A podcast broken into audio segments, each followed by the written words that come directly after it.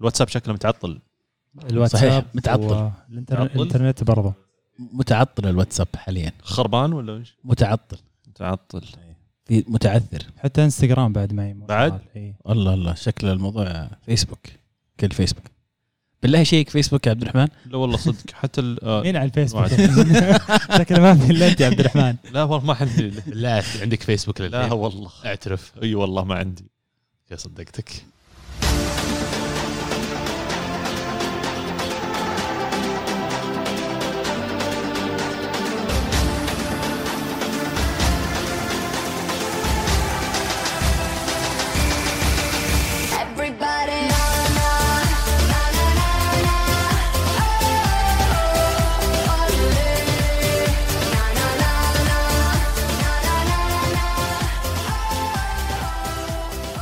حياكم الله مستمعينا وأهلا وسهلا فيكم في حلقة جديدة من برنامج الكره معنا. جايين يوم ثلي... يوم ثلوث خذ لك يوم ثليث جديد. هذه أكيد بتكون واحدة من أسامي الحلقة. لكن يوم ثلوث جديد حلقة جديدة وراح نبدأ على طول. أول شيء بعرف بالحضور لأن عندنا اليوم ضيف. أول شيء قبل ما نبدأ باللي قاعد يغص عزيز على يميني هنا. يا هلا والله وسهلا حياك الله. عبد الله حيا الله الشباب. آه إن شاء الله حلقة جميلة ظريفة وخفيفة. صحة صحة صح يا ابو داحم بعد معنا ابو داحم هسه ماشي رشتك منظول يا لا حبيبي. لا بسيطة بسيطة. حياك الله عبد الله حيا الله عزيز حيا الله ضيفنا اليوم.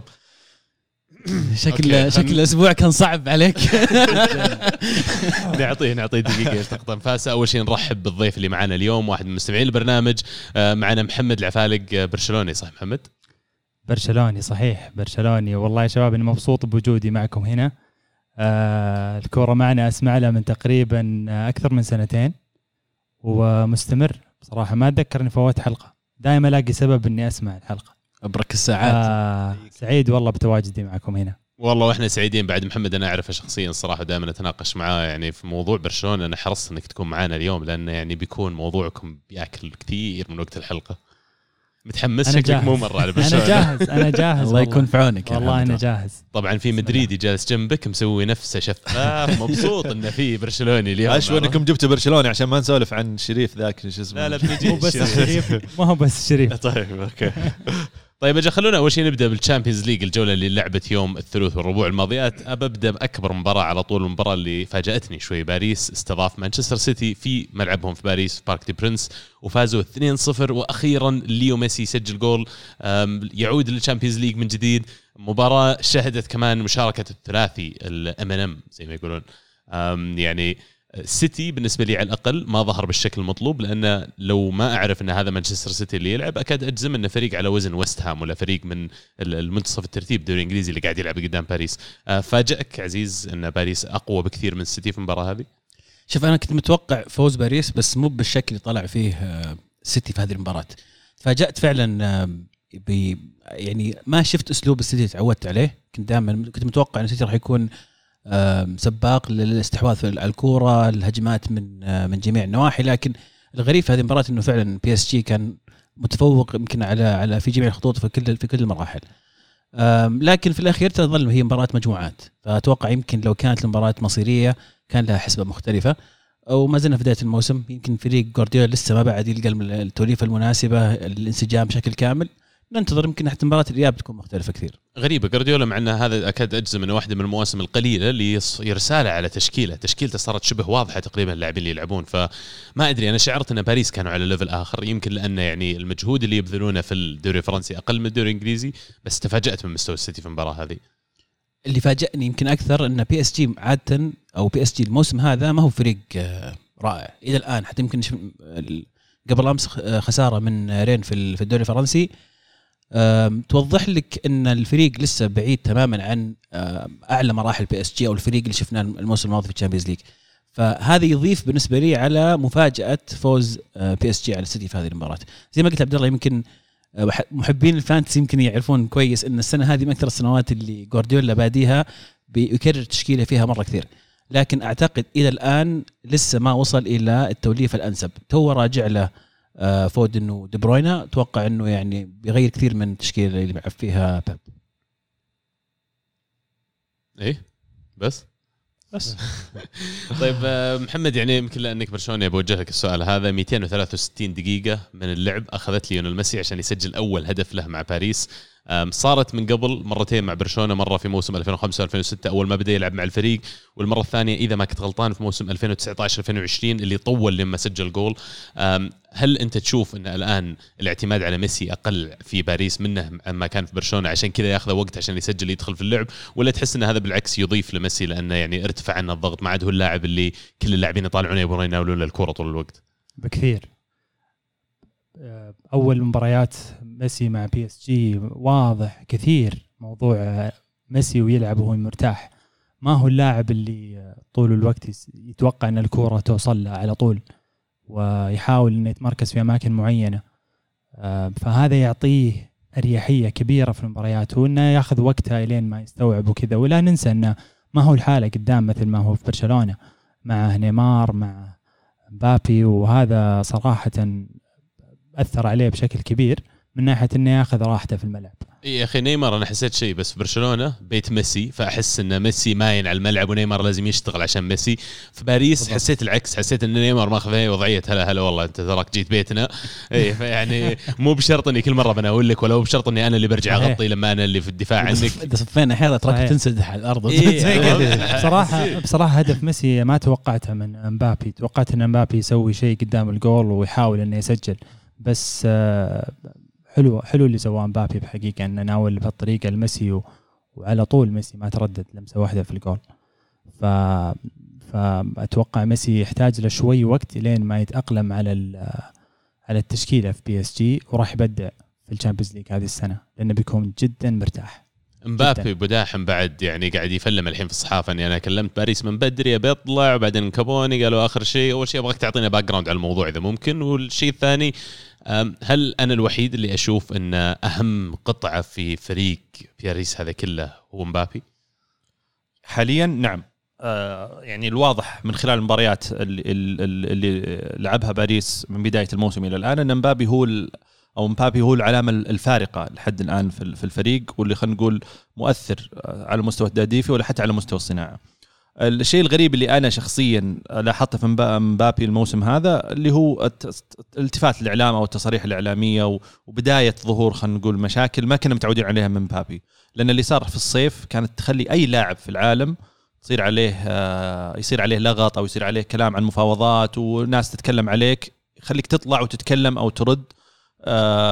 بالطريقة أو بالرد اللي أنت تشوفه مناسب. لكن اللي صار إن مبابي التزم الصمت احترم آه، باريس والفريق اللي هو فيه واحترم حتى الفريق اللي فاوضه واحترم الفريق اللي قبله موناكو لأنه حتى جاء طاري في الموضوع ولا صرح ال ال أو أو أو أو رد على هذه هذه التصاريح. لكن اللي صار انه آه، بداية خلينا نقول آه، ظهور مبابي على الإعلام كانت بالخلاف اللي صار بينه وبين نيمار أو أو ال- النقاش اللي صار بينه وبين آه، إدريس جاي في في الاحتياط لما خرج آه، مبابي وسجل دراكسلر الهدف. وقال التفت على جاي آه، مبابي وقال له لو هذا أنا مكان دراكسلر كان نيمار ما راح يناولني الكورة صدق إنه قال كذا مبابي؟ كل الصحافة قالت هذا أنا عارف إنه يقولون بس هل يعني كلام يعني- صحافة ولا فعلا هذا اللي قال؟ يعني ما ندري كيف نقدر ناكد أو ننفي ولكن ال- الموضوع كان قراءة شفايف وكان يعني مبابي يتكلم بكل أريحية في دكة الاحتياط فهذا برضو أعطاك انطباع آخر معين اليوم التصاريح اللي ظهرت من مبابي أعتقد إنه كان live stream أتوقع إن كان ماني غلطان كان بث كان يلعب game و- وناس يسألونه وكان يجاوب.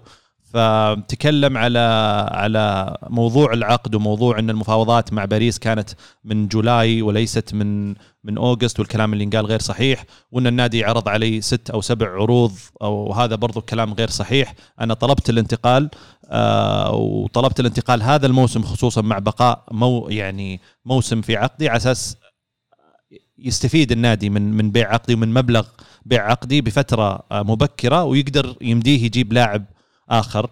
آه، لكن اللي صار إن النادي آه، رغب في بقائي وأنا احترمت رغبة النادي وقلت لهم إذا هذه كانت رغبتكم الأولى فأنا يعني قاعد مع الفريق هذا الموسم. لكن ما وضح أي شيء بخصوص الموسم القادم ولا جاب أي طاري حتى على موضوع تجديد عقده. عزيز أحد في عقله يرفض عقد 180 ولا 190 مليون؟ عرض 180 ولا 190 على لاعب باقي- باقي له سنة. باقي سنة.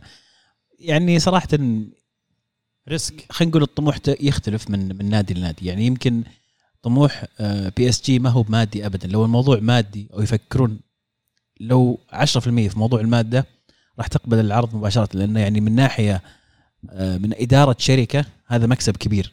لك إنك لاعب باقي في عقده سنة موسم. وتبيع آه، 160 مليون أو 180 صح.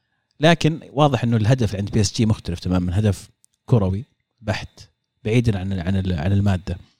فما أدري أنا يعني اختلاف وجهات نظر لكن أنا تعليقي على موضوع مبابي إنه وش الهدف وش الفائدة من كلامك الآن. يعني لا أنت تكلمت في الصيف وقت ال وقت ال الأزمة ولا أنت صبرت لين خلص عقدك بعدين طلعت تكلمت. توقيتك الآن أنا في وجهة نظري سيء جدا ولا راح يفيد أي أحد لا أنت ولا النادي.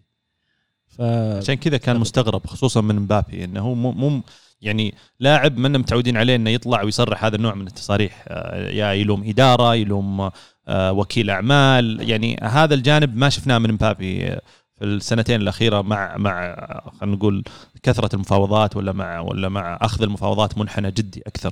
فعشان كذا كان مستغرب لكن أحس تعرف ترى كل لاعب أحس أنا ما ما أدري يعني لو أحط نفسي مكانه أحس كل لاعب عنده طاقة قاعد أشوف اكاذيب قاعد تطلع علي.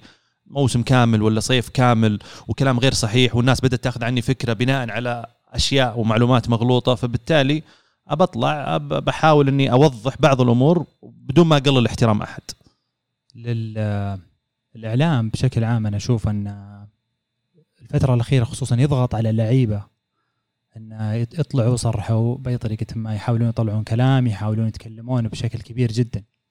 فبالتالي ممكن تقول أنا شخصيا أحس ما ألومه إنه يطلع يتكلم بس السؤال الكبير هو هل بيجدد مع بي اس جي هو الشكل الحين ما مجدد صراحة. إيه. ولا بيطلع ولا. بيطلع آه، ببلاش الواضح إنه مو مجدد هذا ال... أنا أتفق مع عبد الرحمن. إيه الواضح إنه أعتقد إنه ما راح يجدد خلاص. في سنوات مضت يا أبو حميد يعني كنت أقول إن برشلونة أكاد أجزم إنه يكون مهتم بلاعب زي كذا لكن للأسف اليوم ما أعتقد إن الخيار متاح. فيعني ابدا ولا حتى إشاعة تشوفها في جريدة ما قد سمعت عنها. شلون تشوف مبابي وعندك لوك دي يونغ؟ في فمي ماء يا عبد الرحمن. والله في فمي ماء. آه لكن فعلا أنا يعني من اللي شفتها بالمباراه هذه اللي أكد لي بس عودة لمباراه سيتي وباريس نفسها اللي أكد لي إن أول شيء باريس راح يكون فريق قوي جدا في ال Champions League فريق جاهز بكل عناصره يعني كل مركز عنده مو بديل عنده بديلين حتى الحارس عنده بديل على نفس ال level يعني. صح. ففريق جاهز إنه ينافس على أكثر من بطولة وقادر فعلا إنه يحرج كبار أوروبا. الجانب الآخر أثبت لي إن السيتي في ال Champions League أضعف منه في الدوري. ما أعرف إيش السبب لكن يمكن بشكل عام في ال Champions League بتقابل نوعية الفرق هذه اللي ال quality حقها مرتفع. أه، بنجي بعد شوي نتكلم عن مباراتهم مع ليفربول في الدوري الإنجليزي لكن يعني في ال Premier League تلعب 30 مباراة في الموسم ضد فرق عادية أقل منك أو 32 مباراة في الموسم. هي يمكن ثلاث أربع مباريات ولا فريقين ثلاثة اللي ممكن يوجهون لك أي نوع من أنواع التحدي لكن في ال Champions التحدي مختلف تماما. وما أعرف لكن هل يبدو لكم أن جارديولا هدفه الأول هو ال Champions League ولا الدوري السنة هذه؟ لو كنت بتختار بطولة واحدة. Champions المفروض ال Champions. المفروض ال Champions. طب أنا أختلف معكم. أنا أشوف أن جارديولا السنة هذه والسيتي تحديدا مركزين على الدوري أكثر بكثير من على ال Champions. تا- يعني تاكيدا كلامك عبد الله. أنا أنا أحس أن المفروض انه يركز على ال Champions. لكن تاكيدا كلامك ترى دائما جوارديولا إذا أنسأل بعد أي خروج في ال Champions League أو مع بداية موسم لما يجي يجي طاري ال Champions League يقول أنا شخصيا كمدرب دائما هدفي الأول الدوري مع اي فريق ادربه فبالتالي هذا يعني خلينا نقول بس معلش عبد الرحمن هذا كلام كلام آه، أكيد. أنا أنا حافظه. كمشجع اليوفي أنا حافظه. كل سنة اهم شيء الدوري وال Champions League وما راح نخلي الموضوع يصير هوس عندنا لكن في الواقع سيتي بي اس جي واليوفي أكثر يمكن أو أكثر ثلاث أسماء في جاي في بالي. هوس كبير جدا تشامبيونز ليج بس مين لو أكبر تعطيهم نادي في 20 إيطاليا دوري. عزيز؟ مين أكبر نادي في إيطاليا اليوم؟ اليوفي ومين آخر نادي جاب الشامبيونز في إيطاليا؟ إنتر. واللي قبله ميلان. واللي قبله إيه. برضو ميلان. ومع كذا اليوفي إيه. ما زال أكبر نادي في إيطاليا. فأنا أتفق ترى مع اللي قاله عبد الرحمن تو. إذا أنا مدرب دائما الهدف الأول راح يكون دوري. لأن الشامبيونز فيها شوية حظ ترى سواء قرعة ولا مباريات ولا مباريات أقصر. لكن دوري 38 مباراة. إذا أنا consistent وعندي استمرارية في الغالب يعني باخذ الشيء اللي أستحقه. بس أتوقع بس في أسباب أسباب واضحة إن الأندية اللي ذكرتها عبد العزيز ليش يبون ال Champions League يعني السيتي ما قد جابها اليوفي متى آخر مرة يعني؟ و والانديه اللي نفس وضعها فبالتالي حلمهم ال Champions League بأي شكل كان يبونه. هذا هذا هذا هذه الفكرة. كلام جوارديولا أو حتى كلام أليجري ولا كلام آه، بوكتينو ولا مين ما كان طبيعي ما راح يقول لك الهدف الأول ال Champions League لأنه أصعب كثير ال Champions League من الدوري للأسف. هذه الفرق هذه الفرق تحديدا بي اس جي وسيتي واليوفي أصعب بكثير عليها من الدوري. فيخشون أتوقع إنه يحط الضغط على نفسه وعلى لعيبته في موضوع ال Champions League فكل سنة بيقول لا ال Champions League مو بأهم شيء. لكن زي ما قلت يا عبد الله أتوقع في النهاية هذا يعني المدرب الذكي راح يركز على الدوري لأن هذا هذا الشيء اللي يخليك تستمر أنت يعني تفوز بالدوري وتحقق نجاحات. ويجيك فلوس تقدر تعاقد مع لاعبين ولسه انت successful طب follow up question بس على اللي قلته انت ليش الثلاث أندية هذول تحديدا أصعب من غيرهم عليهم ال Champions League؟ مو أصعب. شوف السيتي وبي اس جي مشروعهم جديد نسبيا يعتبر. آه اليوفي يبدو لي صار الموضوع نفسي. على كثر ما وصل لنهائيات Champions League السنوات الماضية أكثر فريق خسر نهائيات Champions League فصار الموضوع عقدة نفسية شوي. آه بالنسبة لليوفي أيضا الفارق الكبير في النواحي المادية بينه وباقي بقية الأندية سواء الانجليز أو آه أو بي اس جي مثلا. الأندية الإنجليزية أو خلينا نقول السيتي تحديدا آه مجرد إن آه، لهم لهم كم لهم يحاولون ما بعد يصير عندهم عقلية ال Champions League وطريقة الفوز بال Champions League فراح يحتاجون يحتاجون وقت فيها. بي اس جي كان قريب جدا في السنوات الماضية. أتوقع الفريقين كلهم خلال السبع سنوات الجاية بيفوزون بال Champions League أكيد. الثلاث فرق كلها؟ لا الفريقين. آه طلعت اليوفي من عشان اليوفي. ما تبي الضغط على اليوفي يعني. يعني مو حركاتك. مو عشان كذا بس لأن النحس مستمر يعني. من من متى يوفي يوصل النهائي؟ من 2003 ويوصل النهائيات. يا أخي تفائلوا بالخير تجدوه ما يعني. ممكن السنة هذه ما تدري. فزنا على بطل أوروبا. حامل اللقب. أوف. استهبل. إيه، نجي- نجيهم الحين. أجل ما دامك طريتهم آه، يوفي ألف مبروك عزيز يفوز على تشيلسي 1-0 في آه، ملعب اليوفي هدف من كييزا هدف ولا أروع في التسعين يعني وفعلا ما راح تفك ما راح تفك دفاع تشيلسي إلا بهدف بالطريقة هذه. جالسين نشوفها أنا وياك ظهر محمد المباراة هذه. صحيح. يعني ال- اللي تفاجأت منه أول شيء مستوى تشيلسي خلينا نقول في الاستحواذ على الكورة. ما توقعت إن تشيلسي يمديهم يمسكون كورة لكن استوعبت كمان انه في العقليات كرة القدم وال possession ضد ال direct والدفاع ضد الهجوم وكذا فيها درجات بعد. في فرق تؤمن أكثر كمان إن أنا ما أبغى الكورة إلا لما تصير الكورة لها قيمة الكورة لما أسحب الفريق اللي قدامي. وهذا اللي سواه يوفي. يوفي استدرج تشيلسي على ملعب يوفي وخلى تشيلسي يمسك بالكرة يمكن 74 أو 75% الاستحواذ في المباراة لصالح تشيلسي. لكن مع كذا يوفي على الرغم من النقص قدر إنه يدكهم بهجمة مرتدة ويسجل جول ويقفل الشوب حقه. يعني أعتبرها يعني آه، أليجري عرف يلعب بالأدوات اللي عنده. مع غياب موراتا وديبالا يعني عندك غيابات كبيرة. ما ننكر إنه أيضا عندهم غيابات تشيلسي لكن عرف إنه عنده الأسلحة الهجومية ضعيفة جدا. لعب برناردسكي ك آه، مهاجم وهمي. لك تتخيل إن برناردسكي هو المهاجم الوهمي لليوفي. لكن الاسلوب اللي لعب فيه آه، أليجري واقعي جدا. نعطيهم الكرة زي ما قلت يا عبد الله نعطيهم الكرة نلعب مرت- مرتدات ونقفل دفاع. وهذا اللي سواه اليوفي فعلا. فنجح بال- بال- بالتكتيك هذا.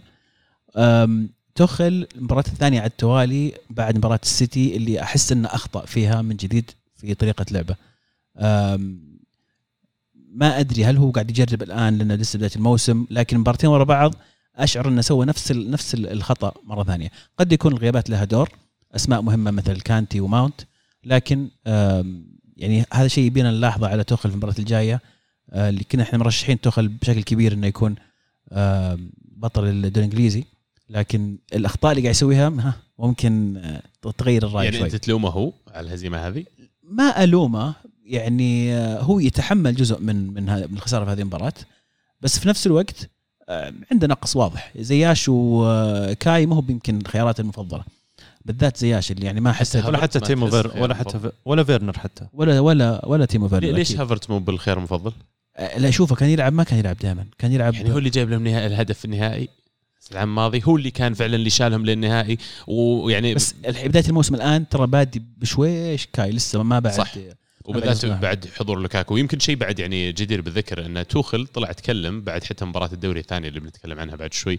آه، قال إن فريقي قاعد يعاني من التوقعات اللي موجودة عليه إنه يكون بطل على أكثر من صعيد. يعني هو حطها تقريبا بشكل غير مباشر على اللاعبين. ويعني عشان نرجع كمان ونصير حقانيين قبل 12 شهر من اليوم قبل سنة بالضبط لو تجي تقول لي إن تشيلسي راح يكون أحد راح يكون بطل أوروبا وقاعد ينافس على الدوري السنة هذه في ال Premier League بتقول لي وش الخمام اللي قاعد تقوله مدربهم لامبارد؟ ما في أمل. لكن اللي صار وأحس غير المعادلة ان تشيلسي أول شيء فاز بال Champions League ما ودي أقول إنها صدفة لكن كان فيها حظ كبير إنهم فازوا بال Champions League. والشيء الثاني إنه جاء الصيف هذا وتوجها بالتوقيع مع لاعب زي لوكاكو ب 100 مليون مرة ثانية أنا أعيد وأكرر وقلتها كثير على البودكاست. لوكاكو بالنسبة لي مو هو على level ال elite striker اللي أحطه مع هالاند ومبابي وليفاندوفسكي والمهاجمين الكبار ال- الصف الأول في أوروبا.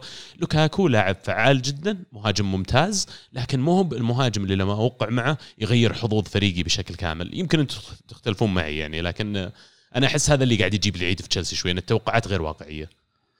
توقعات عالية جدا على تشيلسي من بداية الموسم. خصوصا من بعد ما وقعوا مع يعني الله يعين جمهور تشيلسي إذا ما حققوا شيء السنة هذه. بس مو طبيعي التوقعات هذه يعني مو من الطبيعي لما يصير عندك أكثر من 25 لاعب تكون بطل أوروبا. تك- وتكون بطل أوروبا. أيوة هذه هذه النقطة. وحتى الأداء حقك يكون أداء عالي جدا. واللاعب الاحتياط إذا ما كان في مستوى اللاعب الأساسي فهو أقل منه قليل يعني أقل منه بشوي. فبالتالي طبيعي إني أنا أرشح تشيلسي ولا طبيعي إني أنا هذا. أنا أختلف مع تصريح توخل لما حط اللوم على اللاعبين أو قال إنه اللاعبين عندهم ضغط إنهم يتوقعون إنهم البطل.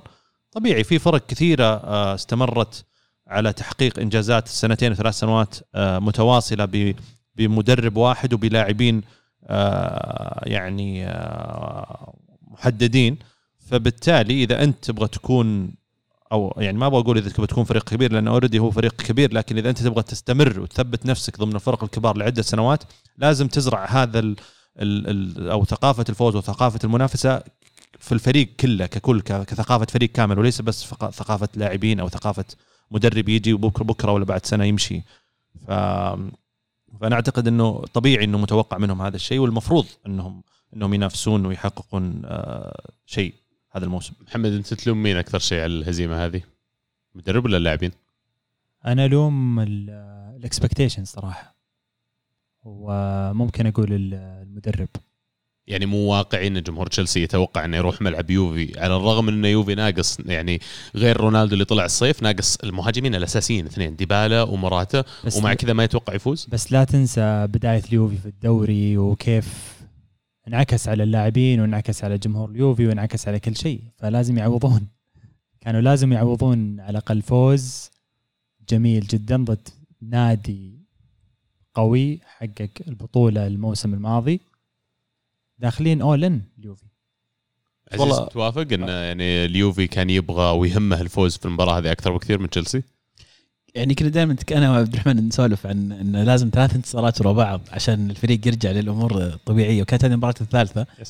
كنت أكلم عبد الرحمن قبل المباراة مره كبيرة بعد. أنا كنت مرة يعني ما كنت متفائل صراحة. بس اللي اللي اللي عجبني في الفريق إنه أليجري عرف وش لازم يسوي. واللعيبة نفذوا اللي يطلبه. الجميل إن هذه أول كان كان أول clean sheet لليوفي الموسم هذا. تخيل. مو بس الموسم هذا. wow. من الظاهر كم؟ 19 مباراة شيء زي كذا. شيء شيء شيء شيء. شيء غريب إي. وقدام بطل بطل أوروبا. ف يعني صح إن تشيلسي كان متوقع إنه يفوز في المباراة لكن يمكن البعض استسهل جدا آه، اليوفي في ملعبه. أتوقع إنه صح في غيابات لكن في نفس الوقت جاء أليجري في الوقت المناسب. يعني هذا يوريك إنه أحيانا لما يكون عندك مدرب ذكي ومتفوق تكتيكيا راح يغير كثير على الفريق. هذا اللي يفرق عن عن أليجري عن أي مدرب ثاني كان عندنا قبل. وتشيلسي بداحم تغيرت وجهة نظرك عليهم بعد المباراة هذه ولا أنت ما زلت ترشحهم إنه يكونوا واحدة من القوات الكبيرة اللي موجودة في الدوري والشامبيونز السنة هذه؟ لا لا ما زلت أرشحهم متى ما بعدت عنهم الإصابات وثبتت التشكيلة. آه يعني ال- ثلاث أربع مباريات ورا بعض بشكل مستقر ومستمر أعتقد إنهم لا آه يعني منافسين وبقوة بعد. قفلنا يوفي وتشيلسي؟ أتلتيكو مدريد وميلان. لا لا أنا بس قبل قبل أبغى أقول شيء واحد. يعني أنا ما زلت غير منجرف خلف اللي يرشحون تشيلسي للدوري أو لل Champions League لأني مرة ثانية لما أشوفهم على الورق يا شباب الأسماء حقتهم ولا اسم من الأسامي اللي موجودة عندهم أقول هو أفضل لاعب موجود في المركز هذا لا في الدوري ولا في ال Champions ولا في الفرق اللي حولهم. كانتي. فيعني يمكن باستثناء كانتي قد يكون صح بس يعني وكانتي كمان مو بصانع لك الفرق الهجومي ولا يعني فعليا هو اللي بيجيب لك بطولة. يعني هو يضيف لك للفريق الموجود. إذا فريقك قوي عندك عناصر تقدر تسجل تقدر تصنع هجمات تقدر تقفل clean sheets هو يخليهم ضرب ثلاثة ولا ضرب أربعة. لكن فعليا كانتي مو باللاعب اللي يجيب لك البطولة. وعشان كذا نرجع الموضوع العام الماضي واللي قبله. لما كنت أقول حان الوقت إن تشيلسي يفكر جديا بالاستغناء عن كانتي لأنه يخليك أنت تبني من جديد. وأنا عارف الكلام بيزعل ناس كثير لكن منطقيا أنت ما عندك الفريق اللي تحط كانتي فيه وكانتي اليوم جاهز انه تحطه في أي فريق موجود في أوروبا يبغى ينافس. تخيل كانتي موجود في فريق زي بايرن. تخيل كانتي موجود في فريق زي مانشستر سيتي. يعني أنا أكاد أجزم إن الأثر على على الفريق راح يكون أعظم بكثير. تخيل كانتي في ليفربول يا شيخ. يعني آه، حرام الصراحة. لكن فعلا نتحرك من المباراة. هذه المباراة اللي يعني زعلتني شوي الصراحة. ميلان يخسر في إيطاليا في سانسيرو 2-1 أمام أتلتيكو مدريد.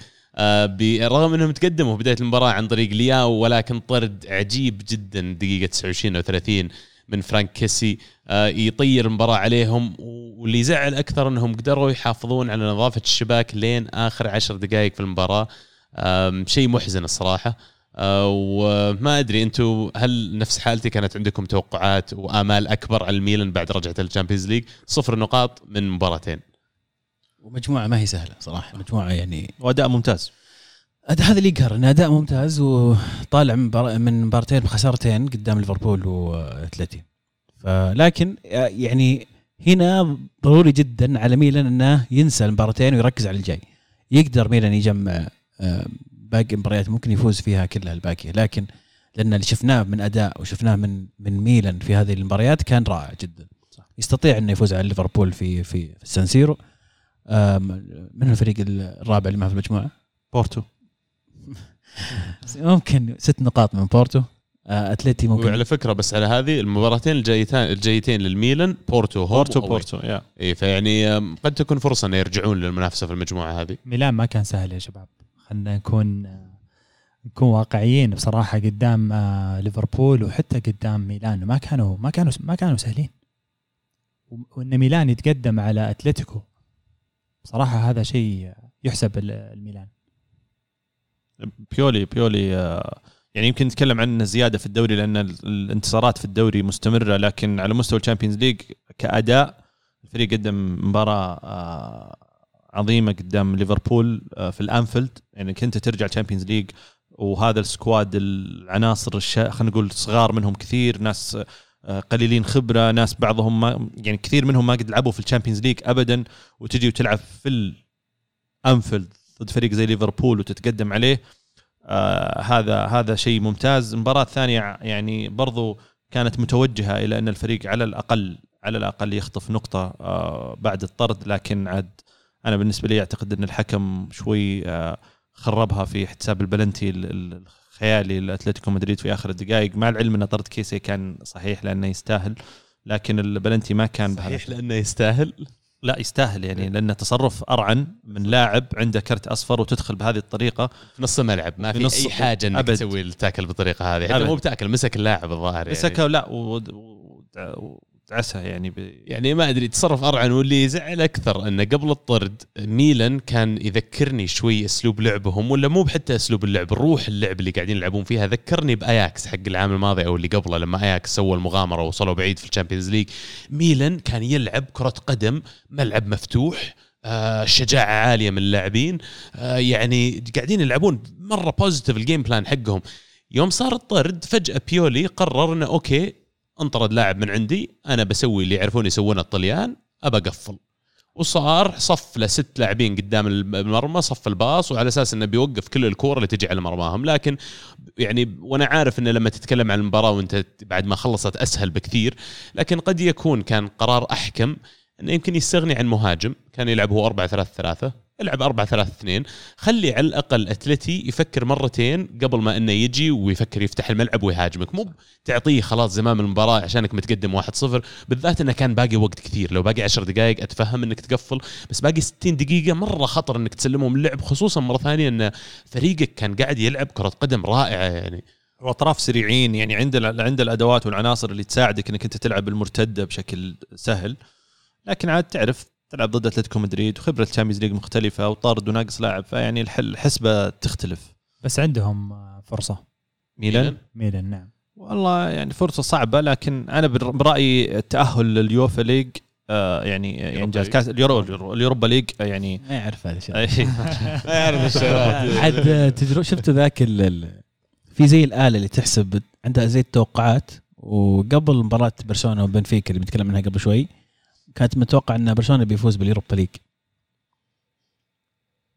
آه، أنت تحب أجهزة التوقعات لا والله بس معلومة يعني بس كذا. هذا ح- قصدك حكتني. يعني engine يحسب أشياء بناء إيه، على ذكاء؟ اصطناعي، okay ذكاء مو اصطناعي مو كذا. بنظام أخطبوط يختار جهة. لا لا لا لا ذكاء. اصطناعي حسبها سوى ال- ال- الحسبة كذا قبل مباراة بنفيكا برشلونه أتوقع إن برشلونة بيفوز ب Europa League.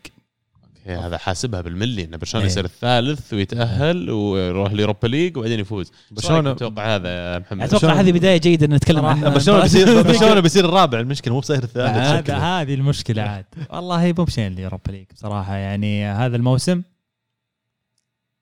ما عندي مشكلة كبرشلوني بس آه، ال Europa League مو سهل يا شباب. حرب. آه، احكي لنا عن عن مباراة بنفيكا وبرشلونة يعني اللي قاعد يشوف المباراة لو أغير ال- البلوزة اللي لابسها برشلونة أتحدى أحد يقول إن هذا فريق برشلونة. كان سيء. كان جدا سيء. بنفيكا ما قصر بصراحة آه، جلد برشلونة. العناصر اللي موجودة عند برشلونة ما تخليك ما تخليك تقول آه، والله أنا أتوقع إن النادي يسوي شيء أو الفريق يدخل المباراة يحقق ثلاث نقاط ولا على الأقل تعادل. يعني هي مشكلة عناصر. مشكلة عناصر. والفريق في بداية الموسم كان كان مسوي كويس. تحس إنه تحرر شوي بشكل عام خصوصا بعد ما طلع ميسي. الفريق تحرر وعندك منفس ديباي قدام. آه، صحيح إن ناقصة بعض العناصر مهمة. ديمبيلي آه، أنسو فاتي. هذول عنصرين مهمين جدا أنا أشوفهم. آه، وحتى مباراة مباراة بنفيكا ما ما شارك أنسو فاتي إلا في الأخير. وما شفنا منه شيء بصراحة. آه، حاول انقطعت منه الكورة أكثر من مرة. و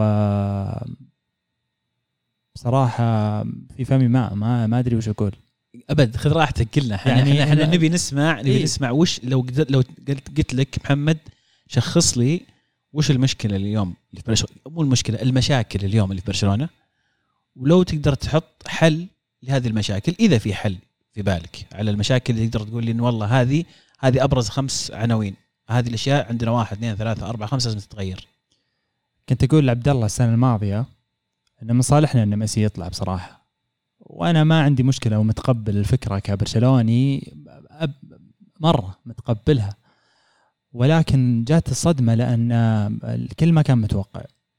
آه، في الجهة الأخرى الفريق تحرر مثل ما قلت لك. آه، وبدينا نشوف أول كم مباراة فريق نشيط. بس إذا تسألني عن وضع الفريق الحالي آم، أنسو فاتي رجع. آه، نحتاج ديمبلي. إحنا مشكلة عندنا لوك دي يونغ هذا ما أدري صراحة. والله ما أدري. أتوقع يعني أنت ما تقدر تبني أمالك على ديمبلي وهو يعني أغلب وقته في العيادة. اي هذه. اي هذه ما ما فيها شك بس إنه إذا دخل يسوي فرق. عندك الجهة اليمين هذه ما ما عندك فيها أحد. والجود من الموجود يا محمد يعني تقول لي أنت بدا الدوري كان في أمل على الأقل فعلا تحرر فريق لكن تكلم لي المباريات ضد سوسيداد غرناطة ليفانتي ما يقارن لما برشلونة اصطدم بأول لقاء صعب يمكن كان بلباو تعادل آه لعبوا ضد بايرن خسروا لعبوا ضد أتلتي خسروا لعبوا الآن ضد حتى آه ضد بنفيكا وخسروا فيعني آم، زي ما قال عزيز أنا لو بحطها لستة مثلا أشياء قد لا تكون هي أشياء غلط في النادي لكن هذا الواقع الجديد للأسف إن نوعية اللاعبين اللي برشلونة كان afford زي ما يقولون اللي يقدرون يجيبونهم الحين أقل نوعية من قبل. أنا أتكلم downgrade عنيف من ميسي سواريز نيمار هجومي إلى هذا الخمام اللي الحين والله صدق ولو كان ديباي فنان وقاعد يسوي لكن لو ديباي موجود فترة MSN يطقها في الفريق؟ لا طبعا. ما أتوقع ابدا انه يطقها. بس أحد الأشياء اللي مسببة أزمة بالنسبة لعناصر برشلونة اللي هم بوسكيتس آه، بيكي مع إنه في بعض الأحيان وسيرجيو روبرتو. هذولي الثلاثة بصراحه من زمان المفروض يطلعون وقاعدين يأخذون حقهم وزيادة. سيرجيو روبرتو تو سمعت خبر إن النادي ما تواصل مع مدير أعماله واحتمال كبير إنه ما يصير في له تجديد. يقولون إن السيتي مهتمين. والله الله يحفظه إن شاء الله. لي- السيتي ليش قالبين عليه أنتم جمهور برشلونة؟ سيرجي روبرتو تحديدا أشوف يصفرون عليه. روبرتو بشكل عام ظلم الحقيقة لأنه كان زي ما تقول جوكر يلعب آه، يمين آه، ظهير يلعب أحيانا وسط آه، يلعبونه جناح. ف صار هو يعبي الخانة اللي ما يصير فيها أحد. ظلم اللاعب ولكن اللي اللي أعطاه دفعة معنوية وحتى النادي ما قدر يتخلص منه اللي هو هدفه قدام PSG الهدف السادس. هذا اللي عظم ال- ال- ال- اللاعب. وأنا ما أشوفه صراحة إنه يستاهل كل هذا الضخم اللي جاء. ممكن ظلم اللاعب ولكن ما له مكان برشلونة. ما له مكان برشلونة. وكومن كومن ترى مسك النادي وهو في أسوأ حالاته. يعني مين مين كان يرضى؟ مين كان يرضى أنه يتحمل المسؤوليه ويوقف قدام نادي مشاكل مالية رئاسة جديدة آه، عناصر ما تدري آه، وش قصتها ومن وين جات وليش جات. والشيء الرابع والأهم بالنسبة له كمدرب موضوع ميسي. تجي تمسك النادي وفي عندك كل هذه المشاكل؟ بصراحة آم، هذه جرأة جرأة جرأة بصراحة. أنت مع بقاء الحين؟ إيه. هل هو خيار إقالته أصلا؟ إيه أنا في مطالبات أنا بالإقالة. أنا أنا أنا مع بقائه وكلام الإعلام الأخير اللي طلع إن لابورتا بيصبر عليه لين الكلاسيكو ممكن أو بعد الكلاسيكو بمباراه وبعدها بيرجع يعيد الحسابات على فكرة ال- weekend الماضي كان على وشك إنه خلاص كان على وشك إنه يمشونه ولكن لابورتا ما ما هو ما هو من رؤساء الأندية المستعجل المستعجلين واللي يبون يتخذون قرارات زي ما تقول داخله فيها العواطف والمشاعر إنسان عقلاني إنسان يعرف وضع النادي ماليا وما يقدر إنه يدفع شرط جزائي. و... ومين بيرضى يدرب برشلونة؟ أنا ما أرضى أدرب برشلونة جد هذا سؤال هذا سؤال الأسبوع الماضي مين المدرب الصاحي الحين ما. اللي بيجي يدخل ويقول يلا أنا جاهز يا جماعة ما في ما أنا أتوقع إن خيار المدرب اللي ممكن يجي في حال إقالة كومن مو مو بمدرب يعني يبني عليه الفريق آه، خلينا نقول آمال ولا طموحات ولا مدرب اسمه كبير في السوق. آه، مدرب راح يكون مدرب مؤقت إلى نهاية الموسم. يركدها بس. يركد الأمور. بعد نهاية الموسم تنحل الأمور. يعني من ضمن أسماء الخيارات اللي كانت مطروحة ولد كرويف. اي صح. آه نسيت والله وش اسمه. هو من ضمن الإدارة اللي موجودة الآن ماسك آه، صحيح. يعني إدارة معينة. فقالوا هذا ممكن يمسك الفريق لنهايه الموسم. ولد كرويف وبيخف عليه الضغط ويبي له شهرين ثلاثة شهور على بال ما يشبون فيه العالم.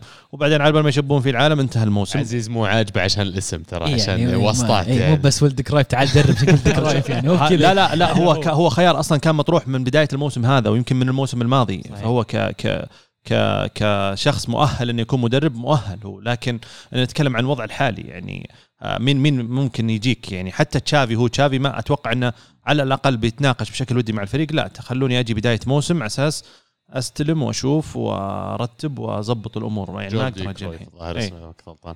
اي آم، جوردي يس. يعني أنا بس بالنسبة لي وما أدري لو يعني تشوفون أنتم نفس الشيء لكن نتكلم عن برشلونة الحين. جاء طاري اسم ميسي أربع مرات. ما دام صدق أتكلم جد ما دام برشلونة لسه يعني يفكرون بموضوع ميسي وأنا أعرف إنه صعب إنك تتجاوز الموضوع لكن إذا أنت لسه تفكر بميسي وفراغ ميسي وميسي إيش سوى وميسي وين طلع وميسي وين راح أنت ما راح تتحرك كفريق. أنت لازم تنظر نظرة داخلية اليوم واقعيا ال quality اللي موجود في برشلونة اللي قاعد أشوفه إلى الآن في الموسم.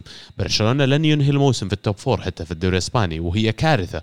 يعني إذا جاء برشلونة موسم ولا موسمين بدون ال Champions League ترى أحب أذكرك إن ارسنال كان كل سنة يتأهل ال Champions League كل اللي خذت سنة أو سنتين لما تأهل ال Champions League ترى تدخل في دوامة أنت ما عاد تقدر تطلع منها لأنك عشان تطلع منها تحتاج تصرف عشان تصرف تحتاج فلوس أنت مو في ال Champions League فما عندك فلوس فمعناته كذا الدائرة تدور فيها. بس ترى الموسم سبع سنين ميلان نفس الشيء ترى دخلوا نفس الدوامة. بداية الموسم الماضي برضو إذا ماني غلطان كانت بداية برشلونة سيئة جدا ترى في الدوري. الموسم الماضي أو اللي قبله. بس معليش يعني ميسي كان ساتر.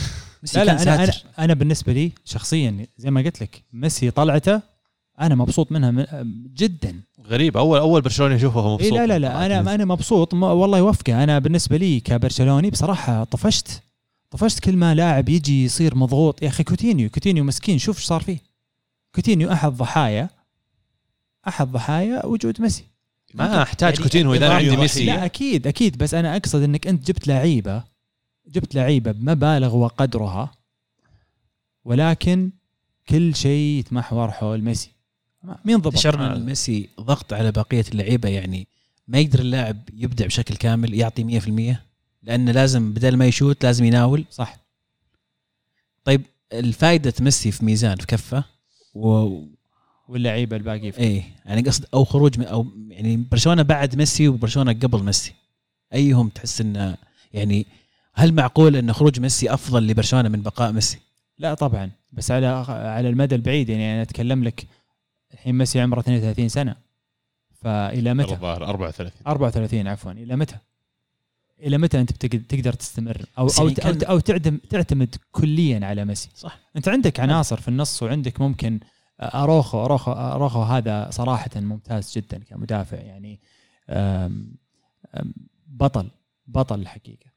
بس بس اسألني عن الأسباب اللي اللي تخليني أتقبل اللي قاعد يصير لبرشلونة اللي هو الأربع أسباب اللي ذكرتها من قبل واللي واللي كومان الصراحة يتحمل جزء من المسؤولية ولكن في الأخير تنظر أنت على اللي صار الفترة اللي اللي مضت ما تقدر ما ما تقدر تقول شيء يعني لابورتا كان على ها جريف إنه خلاص يطلع ولكن شو اللي صار؟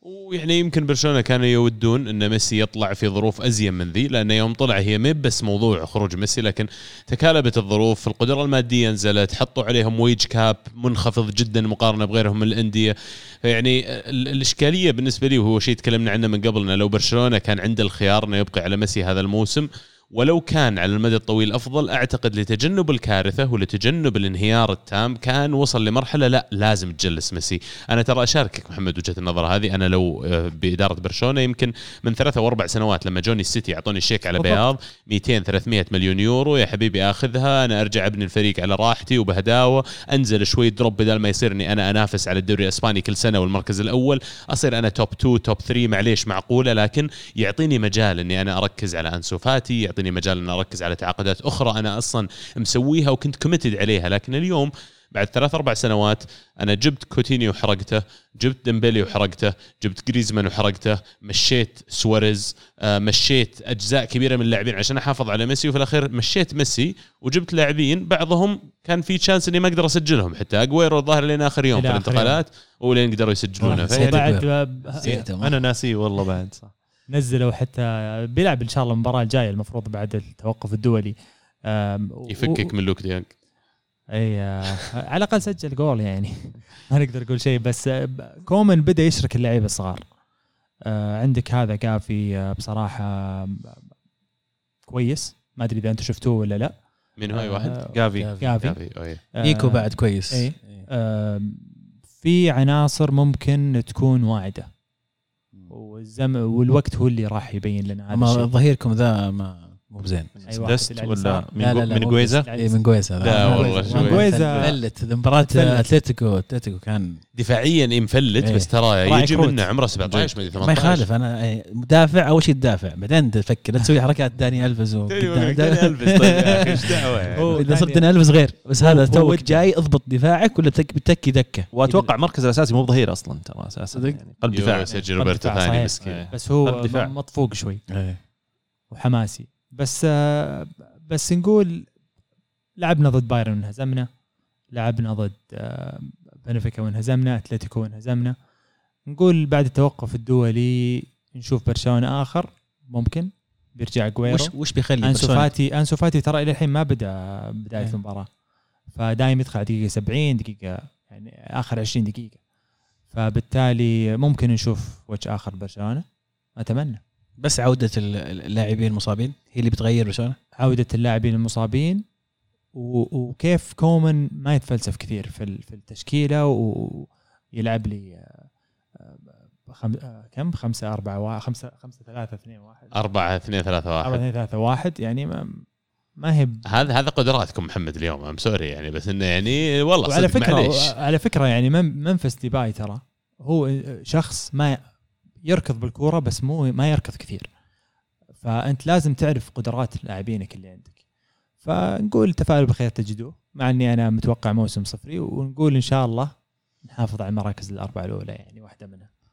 الله يستر إذا نتكلم عن برشلونة ودك نكملها مرة نخلص موضوع برشلونة اتلتي ولا؟ لا لا نرجع لهم بس لأن آه. باقي مباراة واحدة الصراحة بهني صديقنا الدوري الإسباني. يقبالي. أيوه أيوه الدوري الإسباني. كيف حالك بداحم اليوم؟ والله يقولون يقولون الشريف فايز عليكم. الشريف والله فاز علينا. فريق الشرطة المولدوفي الشرف توني بقول لك تحداك تقول إيش اسم الديرة اللي هم منها الفريق؟ معروف لا لا عارف زين مولدوفا ديرة عريقة في. ال Champions League. الظاهر أول مرة يلعبون في تاريخهم مولدوفا معروف. وداحم يعني تونا شابين على برشلونة وترى والأنظار عليهم بس لأنه يعني متوقع إن برشلونة يكون hot topic زي ما يقولون ولا يعني من المواضيع اللي كل العالم يبغوا يتكلمون عنها. لكن مدريد بهداوة كذا قاعد يمشي في ظل برشلونة قاعد يجيب العيد في ال Champions قاعد يجيب العيد في الدوري وبنجيهم بعد شوي الدوري الإسباني ما خلصنا.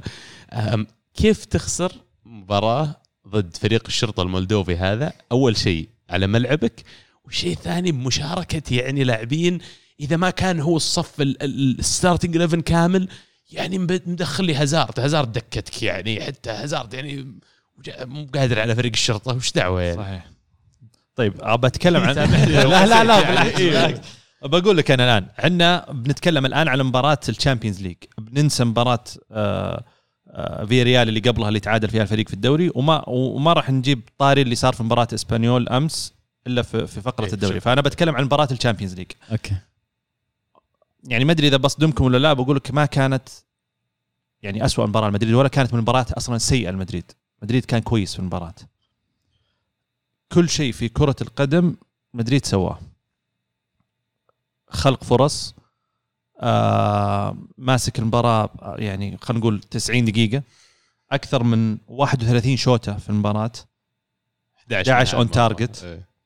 13 ركنية مقابل صفر ركنية لشريف. الحارس آه تحول إلى آه حارس بعشر آه أيادي في ذيك المباراة. استبسل حارسهم. جدا. ترى هو دائما كذا. أنا يوناني؟ متابع مبارياتهم دائما كذا. صدق والله؟ يشجع لا لا لا. فيبي يشتريها لا لا. الحارس لدرجة إن حتى العالم قامت تتكلم عليه بعد المباراة إنه من وين وش جنسيته وكيف جاء وكم عمره. سوى شيء خرافي. يعني أنا أنا ودي إنه لو اللي ما شاف يكتب بس goalkeeper شريف highlight قدام ريال مدريد ويشوف كمية وحجم التصديات اللي صدها. أنا أنا سويت أنا- بحث بسيط عنه.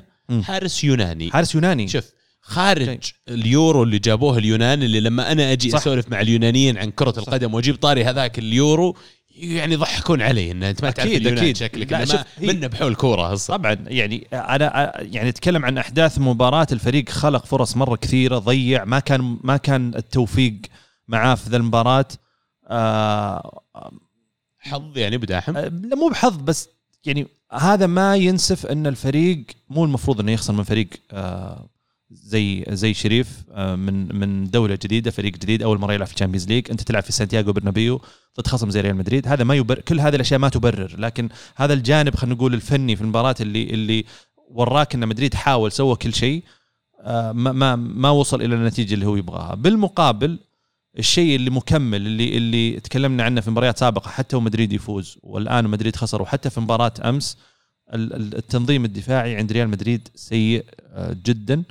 آه، يحتاج من أنشيلوتي إنه آه، يحاول يشتغل على هذا الجانب اشتغل على الجانب الهجومي على مستوى خلق الفرص تفعيل فينيسيوس جونيور بشكل جدا رائع. بنزيما واللي قاعد يسويه آه، إعطاء الفرصة لرودريجو في مباريات كثيرة وإثبات ال- ال- النفسه وتسجيل الهدف الفوز قدام إنتر ميلان. كل هذه الأمور ممتازة على الجانب الهجومي وجانب الوسط بدرجة أقل لكن التنظيم الدفاعي جدا سيء. غياب كارفاخال وغياب مندي آه، أثر. مندي من بداية الموسم ما لعب لكن كارفاخال لعب في فترة من الفترات وتحسن شكل الفريق نوعا ما لكن برضو لما أنا يصير عندي خيارات ناتشو آه، ألعبه كظهير يسار لما يصير عندي خيار إني أرجع فالفيردي وألعبه ظهير يمين وأنا ماني مقتنع أصلا بلوكاس فاسكس أساسا كلاعب. فما بالك إني أنا العبه كظهير يمين. فكل بداحم لا تقول لي غيابات ضد فريق زي كذا لأن شوف صح صح صح. لا أتكلم بشكل عام. لا لا قلت لك قلت لك آه، بقول لك بس لو إيه. مدريد مهزوم 1-0 صح. أنا عندي أرحم من إنه مهزوم 2-1 لأن إيه. 2-1 معناته جاني ذا الفريق شات شوتين من ثلاث شوتات في المباراة سجل ثنتين منها جول. أنا ليش ما لعبت أجل ب 11 لاعب آه، قدام وبيلعب بدون حارس؟ صح. إيش قاعد تسوي كورتوا؟ إيش. قاعد تسوي خط الدفاع؟ إيش قاعدين آه، تسوون صح. قلت لك ما يعني ما يبرر الهزيمة ابدا. والموضوع الغيابات وموضوع التنظيم الدفاعي هذا مستمر. حتى مع المباريات اللي الفريق يفوز فيها مع المباريات الماضية آه، آه، اللي مع شريف ومع المباراة اللي صارت أمس الأخيرة في الدوري مع إسبانيول. ف فالنقطة السلبية الوحيدة في الفريق هي التنظيم آه، الدفاعي، ال- الفريق استقبل يمكن في الدوري بس أكثر من في سبع مباريات أو ثمان مباريات استقبل أكثر من تسعة يمكن أو وصل عشرة أهداف.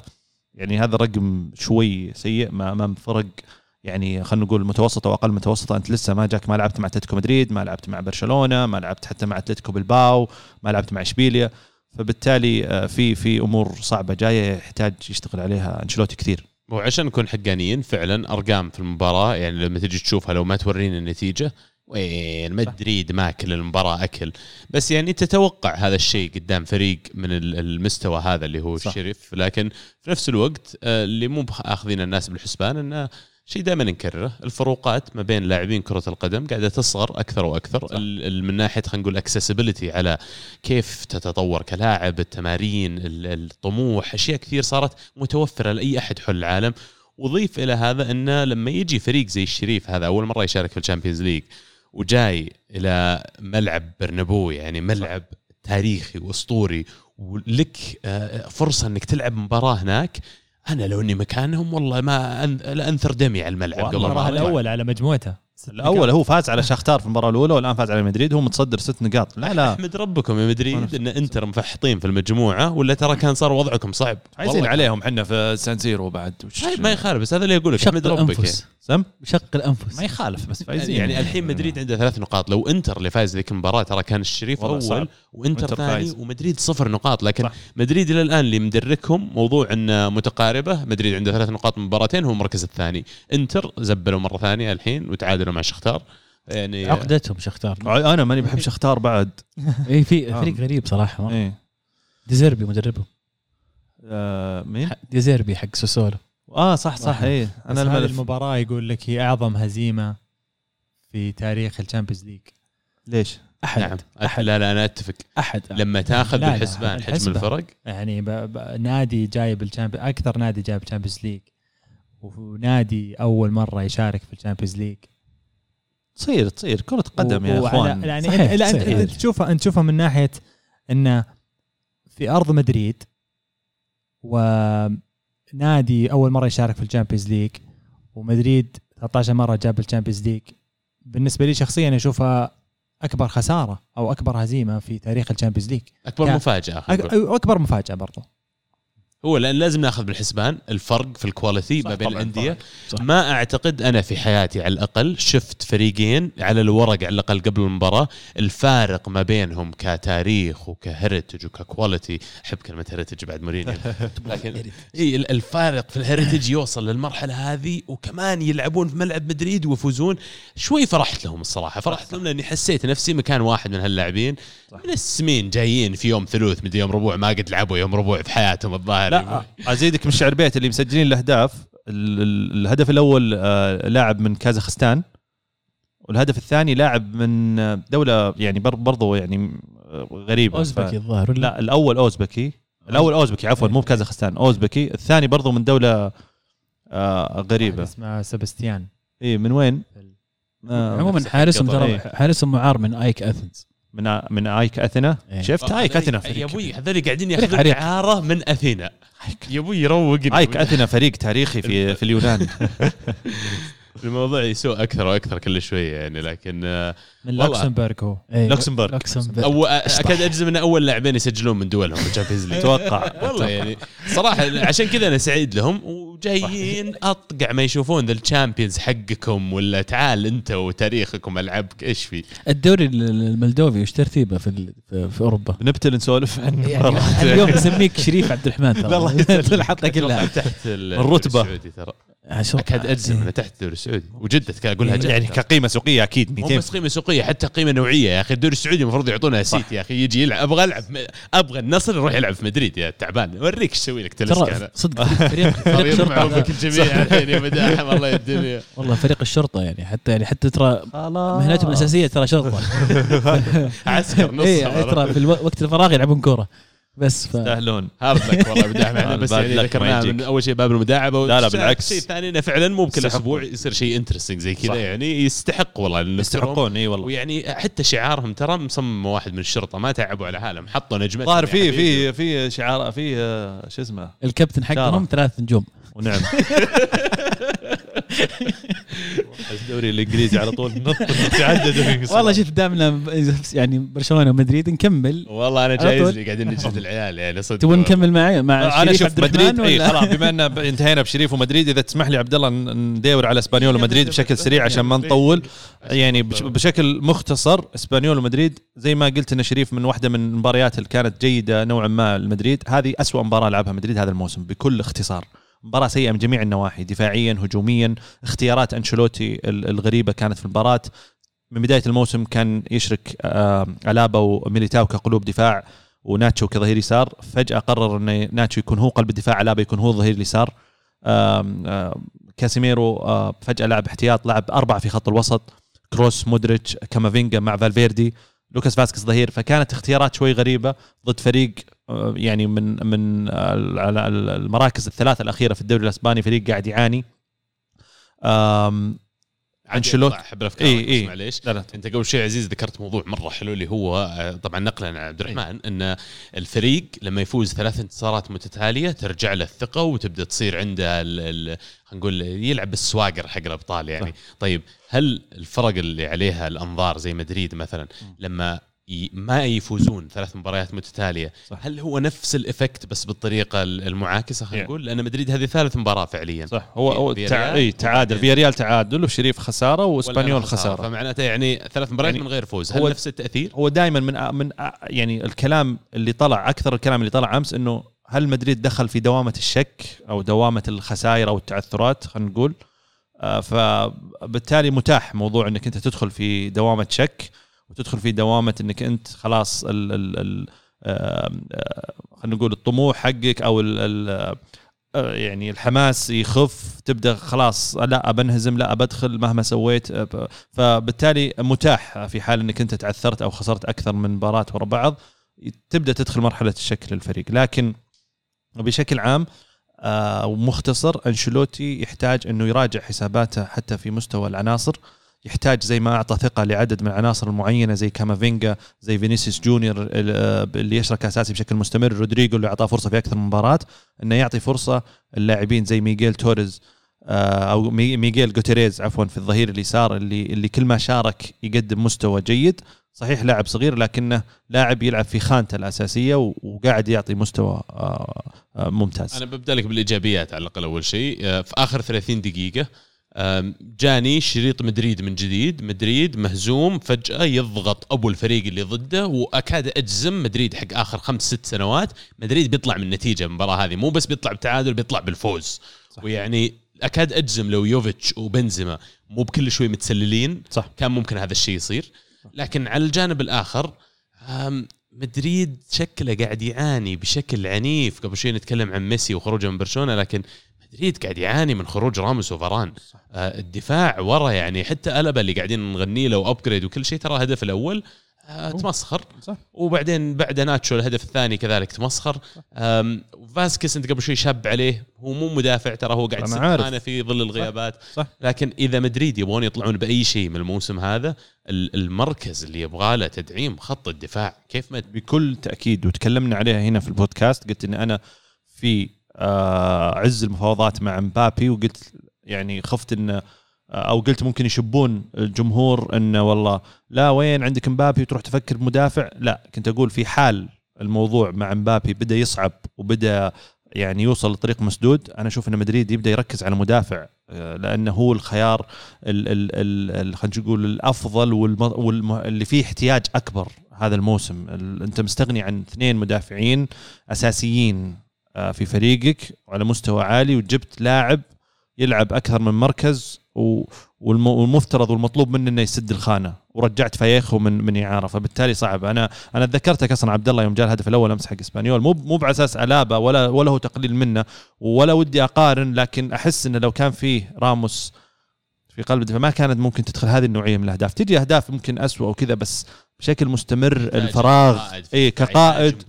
اي كقائد والفراغ ال- ال- اللي موجود من ناحية القرار في إنك أنت متى تنزل تدخل على على على ال- المهاجم القرار متى تعطي آه، خلينا نقول توجيه سواء كان الظهير سواء كان ال- ال- اللاعبين الوسط اللي أمامك بشكل آه، أساسي ومستمر.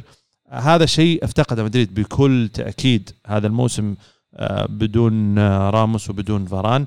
لكن آه، برضو بعد التوقف راح يرجعون لاعبين برضو من الإصابة. على أمل إنه يكتمل الفريق.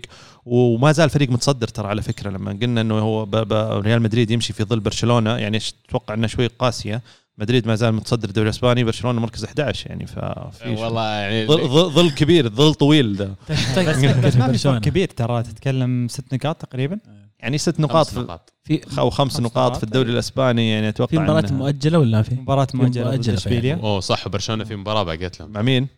إشبيليا يعني فمعليش معليش بس ل- ل- خلينا بس فرضا جزاء صح، صح. نقول برشلونة يفوز صح. يصير فرق نقطتين صحيح موسم زي كذا يعني أتوقع من مدريد من ثمانية مباريات يعني إذا ما جاب ال 24 نقطة كاملة يصير عنده 21 19 يعني 17 تحس أقل صح. من المفروض يعني. إيش إيش يعني. رأيك ب- طيب ظهير يسار شو اسمه ألبا؟ ما ما يعني ما عط ما أدري. ما ودي أحكم عليه من أمس بس مباراة واحدة لأن أمس الفريق كله كان سيء والإضافة اللي اضافها هو ك- كظهير آه، ما ما حسيتها مرة ممتازة. كتحركات ممتاز آه، يزيد في, في الهجمة يعني بس بس حتى ك- كروز سيء. كروز, أنا كروز تو راجع مرة حتى إيه. زي يعني زي هذا شهر القرار خمسة الظاهر آخر مرة لعب بالضبط. فعليا كروز كان زبالة. زي هذا القرار عبد الله هذا اللي أقصد إن أنشيلوتي لازم ما ي... لازم يعطي الاحقيه للناس اللي تلعب. حتى يعني كروس ما لعب من من الموسم الماضي وتجي تلعب مباراة على أرض فريق خصم ومتوقع إنه يركض هذا الركض وهو يعني وأساسي تح... احرجت أنت. بس نفس النتيجة بداحم وكروز ما يلعب بيشبون عليه. كيف كروز عندكم ما تلعبه وأنت محتاج لاعب وسط عرفت؟ يعني انت شايف يعني فاهم عليك يعني. إيه لكن نوعية اللاعب يعني كاسيميرو مختلفة تماما عن كروس. هذا دفاعي aggressive أكثر ممكن يوقف في وجه الهجمات المرتدة اللي صارت من إسبانيول. بس بالمقابل كروس لا بيعتمد على آه، خروج بالكورة آه، نبغى نبني الكورة صح وما إلى ذلك. لكن إسبانيول آه، نادي مزعج ترى. مزعج. المشكلة إن هذا الموسم ترى أداء سيء. أول فوز لا أعتقد مع مدريد سهلات. مدريد لا آخر 14 مباراة في الدوري بين مدريد وإسبانيول مدريد فايز 13 مواجهة اي المفروض إنه بالعكس جاهم الفريق اللي لا. أنا بيطلعني من ال- ال- الصدمتين. هذا هذا. القهر. اي وتو تو راجع وبرضه الموسم هذا إيه ما ما قدم مستوى ممتاز إلى الآن. لكن يعني ظروف المباراة للأسف كانت حبكت ذا المباراة. والله العظيم الشوط الثاني سووه يعني قاعد يسوون شيء غريب. أول الشوط آه، بعد الهدف الثاني خصوصا في هجمتين ضاعت كانت ممكن تصير 3-0 الثاني غريب ترى. ذا اللي. يسحب ذا ما يسحب إيه. أصلا. مو بلاعب معروف. بعدها يمكن بخمس دقائق جت انفراد اللاعب رقم 10 ما أدري شلون ضيعها. ضيعها بطريقة غريبة آه، يعني فازكس رمى نفسه عليها. ما أدري ما أدري وش صار. لكن يعني بعدها قلت أنا لو في رجعة لمدريد بتصير بسبب ذا الهجمة اللي ضيعوها هم.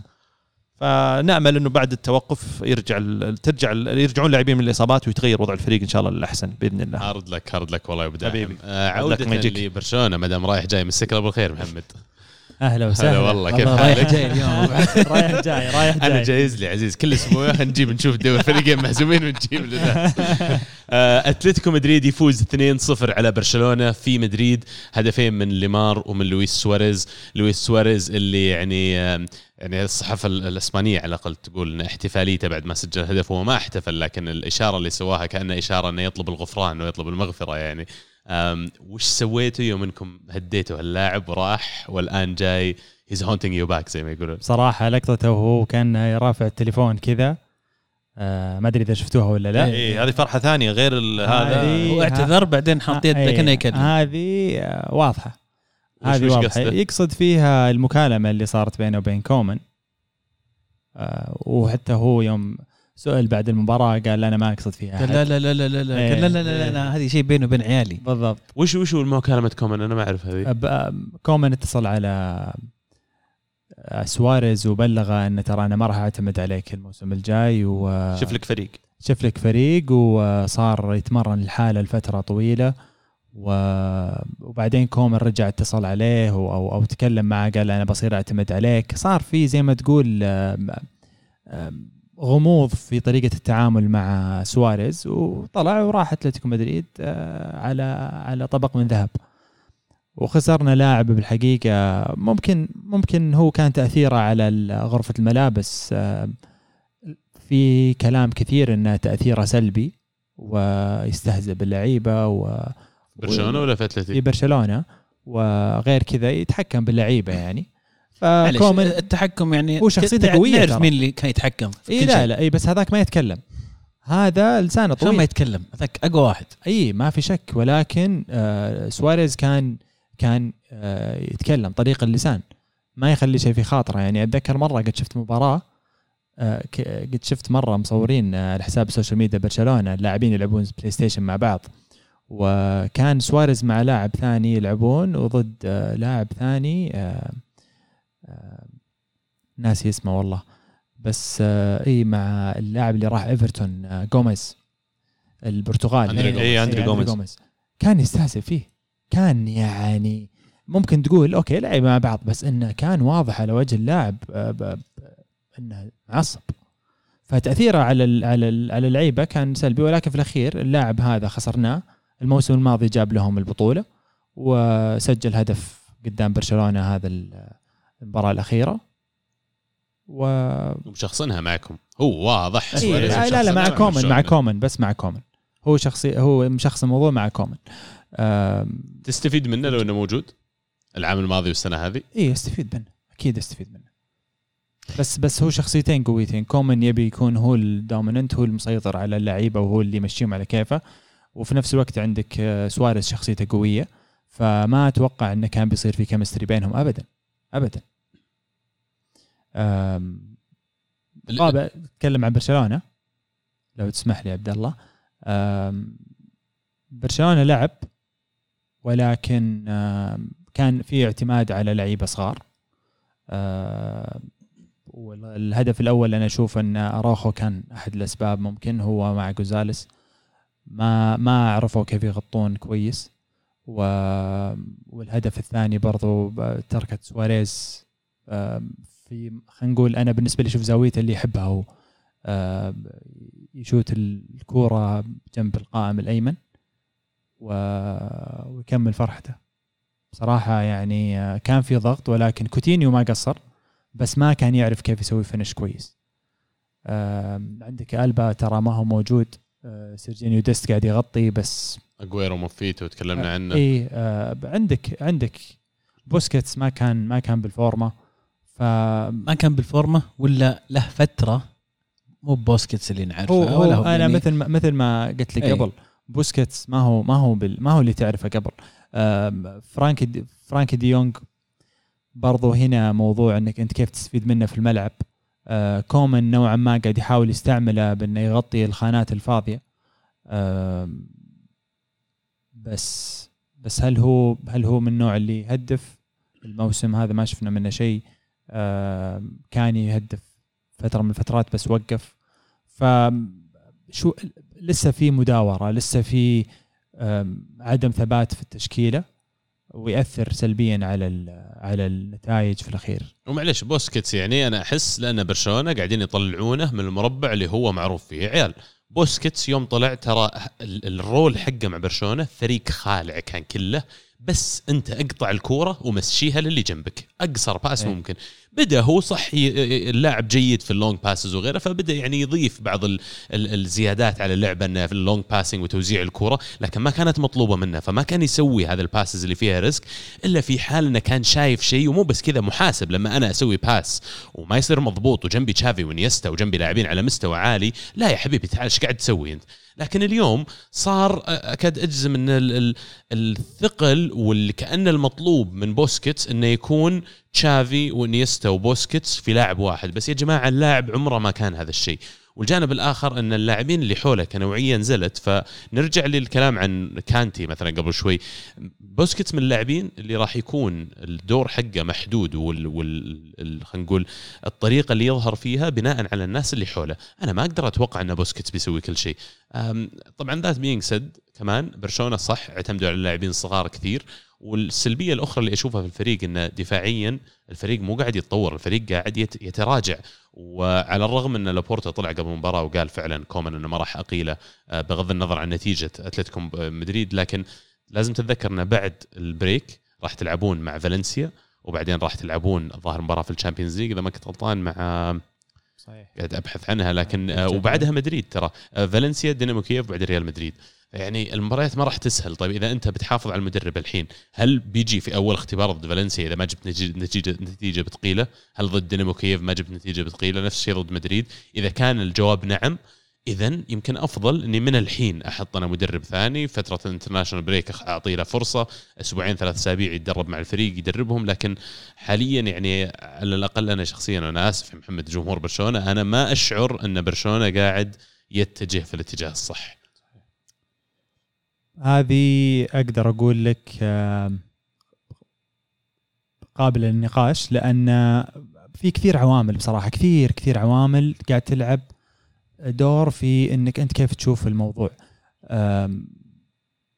النادي ناق... الفريق ناقص عندك عناصر مهمة آه، غايبة يعني زي ما قلت لك أنسو فاتي ما يلعب أساسي في. في التشكيلة وصاير يدخل آه، بعد. بعد الشوط الأول دقيقة 70 دقيقة 65 آه، ديمبيلي عندك آه، سيرجيو اجويرو مع إني شخصيا ما أدري كيف راح يتأقلم مع النادي وكيف راح يلعب بس أتمنى أنه يكون إضافة جيدة. و ولابورتا متوهق الرجال متوهق. ما أتوقع أنه يقدر أنه يمشي كومان و... وهذا وضع الفريق لأن في الأخير مين يقبل أنه يمسك فريق زي كذا؟ ممكن ممكن نهاية الدور الأول. أتوقع هو الوقت المناسب اللي ممكن يمشي فيه المدرب. آه، غيره بصراحة ما راح يكون منطقي. لابورتا عقلاني صاير الفترة الأخيرة. وتعامله مع كومن مع أنه لو ما صار صارت المحادثة مع كومن قبل مباراة الاتلتيكو مدريد والتصريح اللي طلع لابورتا كان بيأثر سلبي أكثر على ال على, ال على النادي وعلى النتائج وعلى المدرب نفسه. بس ان لابورتا صرح وتكلم ووصل الرسالة لكومن والجماهير بشكل عام. متفائل. كويس. أفهم كلامك متفائل. بالضبط. والله أنا متفائل. خلينا نقول ال- ال- الفترة الجاية بإذن الله مع عودة اللاعبين ومع ومع خلينا نقول كومان يقدر يعني أتمنى أن كومان مستوعب قدرات لاعبين اليوم. أتمنى. ما أدري بس أنا أحس أنه هوس عند المدربين في بعض الأحيان اكتشاف مواهب لاعبين. لهم فترة طويلة في الكورة لهم في اللعبة آم، يبي يبين مثلا يبي يشوف بوسكيتس هل هو يصلح في مكان ثاني يستعمله في مكان ثاني آه، وبالتالي يشوف إنه نجح إنه يكتشف موهبة لاعب ماسك منطقة فترة طويلة ويشوف إنه يقدر يغطي منطقة ثانية هو عنده نقص فيها. فانا أشوف إن هذا هوس عند بعض المدربين ولكن ما أعرف. بس آه، يعني إذا بضيف نقطة أخيرة هل هل الجو صحي في برشلونة للمرحلة الحالية؟ يعني أنا أعتقد إنه أي مرحلة انتقالية لأي فريق لازم يكون الجو العام صحي أو الجو العام إيجابي صح. إيجابي أو أو سلس أو قاعدة تمشي الأمور فيها بسلاسة، اللي قاعد أحسه الآن كمتابع إن الجو العام ما هو صحي ولا هو إيجابي ابدا. اللاعبين تقصد. لاعبين مدرب المدرب يطلع يصرح يقول أنا غير مدعوم من من الإدارة. وبعدين فجأة المؤتمر الصحفي اللي بعده يطلع يقول لا الآن أنا مدعوم. اللاعبين ردات فعلهم لما لاعب يتغير يروح يقعد على الاحتياط تلقى تعابير وجهه كأنه زعلان ومتضايق. اللاعب ينطرد آه، يطلع راسه في الأرض أو أو لاعب الفريق مهزوم يطلعون ورؤوسهم في الأرض فتحس إنه ال- الجو العام في الفريق جو ما هو ما هو ما هو إيجابي. فهذه هذه مشكلة ثانية هذه معضلة ثانية. يعني الحين أنا أشوف القائد اللي خلينا نقول اللي اللي صاير حتى صارت مشادة بين بوسكيتس وبيكي في وسط مباراة إيه، أتلتيكو مدريد. وسط مباراة أتلتيكو صحيح. ممكن غياب القائد في الفريق. صح. مسبب الموضوع هذا ولكن علاقة أغلب اللاعبين ببعض كويسة. أنا متابعهم بال social media وأشوف كيف كل واحد يحط post عن الثاني ويتكلم عن الثاني وهكذا. ف وجود قائد واضح وصريح على أرض الملعب ضروري. يعني أتذكر واحدة من اللقطات كان كان بيكي آه، ما أدري أي مباراة والله ناسي آه، يقول اللاعبين تعالوا خلينا نحيي الجمهور. الظاهر كان خسران برشلونة وقتها بس اللعيبة كانوا down وكذا. فبالتالي وجود القائد على أرض الملعب ضروري جدا ويتم تحديده. شوي الموضوع ديباي ديباي ترى شخصيته قوية في النادي ولكن في نفس الوقت تو جاي أول سنة. هو شخصيته كذا بس في نفس الوقت ما ينفع هو اللي يصير يقود النادي ويوجههم ويقول لهم. فبيكي ممكن لازم لازم يكون تأثيره أكبر في الملعب. تعقيبا بس أنا يعني عشان ما حد يفهمني غلط لما تكلمت عن إقالة المدرب أنا ما أعتقد إن إقالة المدرب هي الحل لأن المشكلة ما هي في المدرب. أنا من متى وما أدري لو تشوفون نفس الشيء لكن من متى آخذ لاعبين من دكة فرق ثانية مو حتى بعضهم توب فور ولو يروحون برشلونة بيلعبون أساسيين. صح. من متى والوضع زي كذا؟ فيعني برشلونة قدامهم طريق طويل. اعتمادهم على الشباب يعني أعتقد هو الخيار المتاح الوحيد اليوم لما أنا يصير ال wage cap عندي 180 مليون في السنة. أنا ما عندي خيار إني أنا أروح أجيب superstars ولا أسامي قوية ولا غيره أنا لازم ادور لي من لاعبين أبو 17 18 أب- حد أقصى 20 21 يتقاضى راتب معقول. مستعد يقعد عندي مشروع مدته أربع خمس سنوات ومو بس كذا. لازم الجمهور برشلونة يتقبلون إن النادي راح يبيع نجومه في الفترة القادمة. لما أتكلم نجوم إنه واحد زي أنسو فاتي لما يبرز وفعلا يوصل ويوصل عمره 26 سنة مثلا وفي أوج عطائه لا تستبعد برشلونة راح يضطر يبيعه. ومو بس هو هو وبشلة كبيرة من اللاعبين الشباب اللي راح يعطونهم الفرصة لأن النمو يصير تدريجيا. وما أعتقد إن بتوليفة من الشباب أعمارهم مراهقين راح تقدر تروح تحقق دوري و Champions League وغيره عشان ترجع لهرم قمة الهرم. لكن أنت تحتاج إن فعليا تشتغل عمل جاد لمدة خمس ست سبع سنوات قدام عشان بس تطلع نفسك من المأزق اللي أنت already واقع فيه. يعني عشان كذا أعتقد يمكن خيار مناسب كومان لأنه قاعد يعتمد على الشباب لأنه قاعد يعطيهم فرصة مو بهمه بس نتيجة المباراة القادمة والمباراه اللي بعدها. قد يترك البرشلونة فريق يقدر يرجع لل top four مبدئيا لأن الحين أعتقد لو إني من جمهور برشلونة هدفي ال top four ونعمة لو صحيح. اجيبه بعد. صحيح. وفي عنصر في في حاجة مهمة لازم نذكرها هنا إن موضوع تجديد العقود. آه، ديمبلي بنتهي عقده السنة الجاية. وهذا شيء شغالين عليه آخر مرة سمعت عن قريت عن الموضوع اليوم ان إن لابورتا قاعد يحاول يجتمع مع وكيل أعمال ديمبلي يحاول يجدده. لأن بصراحة الموضوع في النادي حاليا ما ينقصه إن ديمبلي يطلع ببلاش. يعني وغيره ممكن برضو. فالموضوع قاعد من كل جهة حرفيا من كل جهة. عندك لعيبة صرفت فيهم صرفت عليهم مبالغ كبيرة وفلكية. و... وما ينقصك صراحة إن يطلعوا من عندك. ببلاش وهم في نفس الوقت ما حققوا لك شيء. صح. وهو إذا طلع ببلاش أصلا معناته انه على القوائم المالية حقت برشلونة معناته اعترفوا بخسارة هذا الأصل على القوائم المالية يعني. لكن إذا جدد معه يقدر يمكن يحافظ على سلامة السيتويشن زي ما يقولون. لكن الإشكالية هي؟ مو بكثير أندية ترى بتتهافت على ديمبلي بتعطيه راتب فلكي لكن اكاد اجزم مرة ثانية إن معظم العروض اللي راح تجيه أكبر من القدرة المادية اللي برشلونة يقدرون يوفرون له إياها، لسبب بسيط إن الأندية هذه جاية تاخذ ريسك على لاعب تلاقي وضعهم أسلم من وضع برشلونة كمجمل وككل فإذا هو على لاعب بياخذ عليه هذه المخاطرة ما عنده مشكلة. ويعني أتكلم عن أندية حتى ممكن يعني مستعدين يعرضون أكثر من برشلونة. أندية منتصف الترتيب في البريمير ليج عندها فلوس أكثر إنها تعرض عليه كراتب وك يعني إمكانيات من اللي ممكن يعرضونها برشلونة. لكن فعلا والله وضعكم صعب. ويعني اللهم لا شماتة يا محمد لكن الله يا الدنيا يوم فابريجاس وهليب وسونج وهنري وأنا كجمهور من- خاطرك. إيه، هو- واحد من مشجعين أرسنال يعني الصراحة ما أتعاطف معكم الصراحة. والله آه، الفترة اللي فاتت العشر سنين أو أكثر 15 سنة اللي فاتت كان برشلونة آه، في في آه، عطائه يعني بشكل مو طبيعي. وأنا شخصيا بدأت أشجع برشلونة يمكن 2004 2005 آه، واحد أسبابها كان ولد خالي كان ولا زال يعشق برشلونة.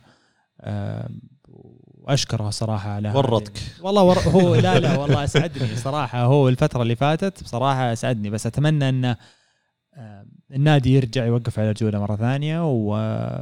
ونبدأ نشوف منه نتائج على الأقل تحافظ على ماء الوجه. صف صف جنبي حقين أرسنال بس. لا لا أنت بعيد طريقنا طويل. إحنا وياك يا تكون رجال. بعيد ما تدري إيش يصير بكرة. لا تدري.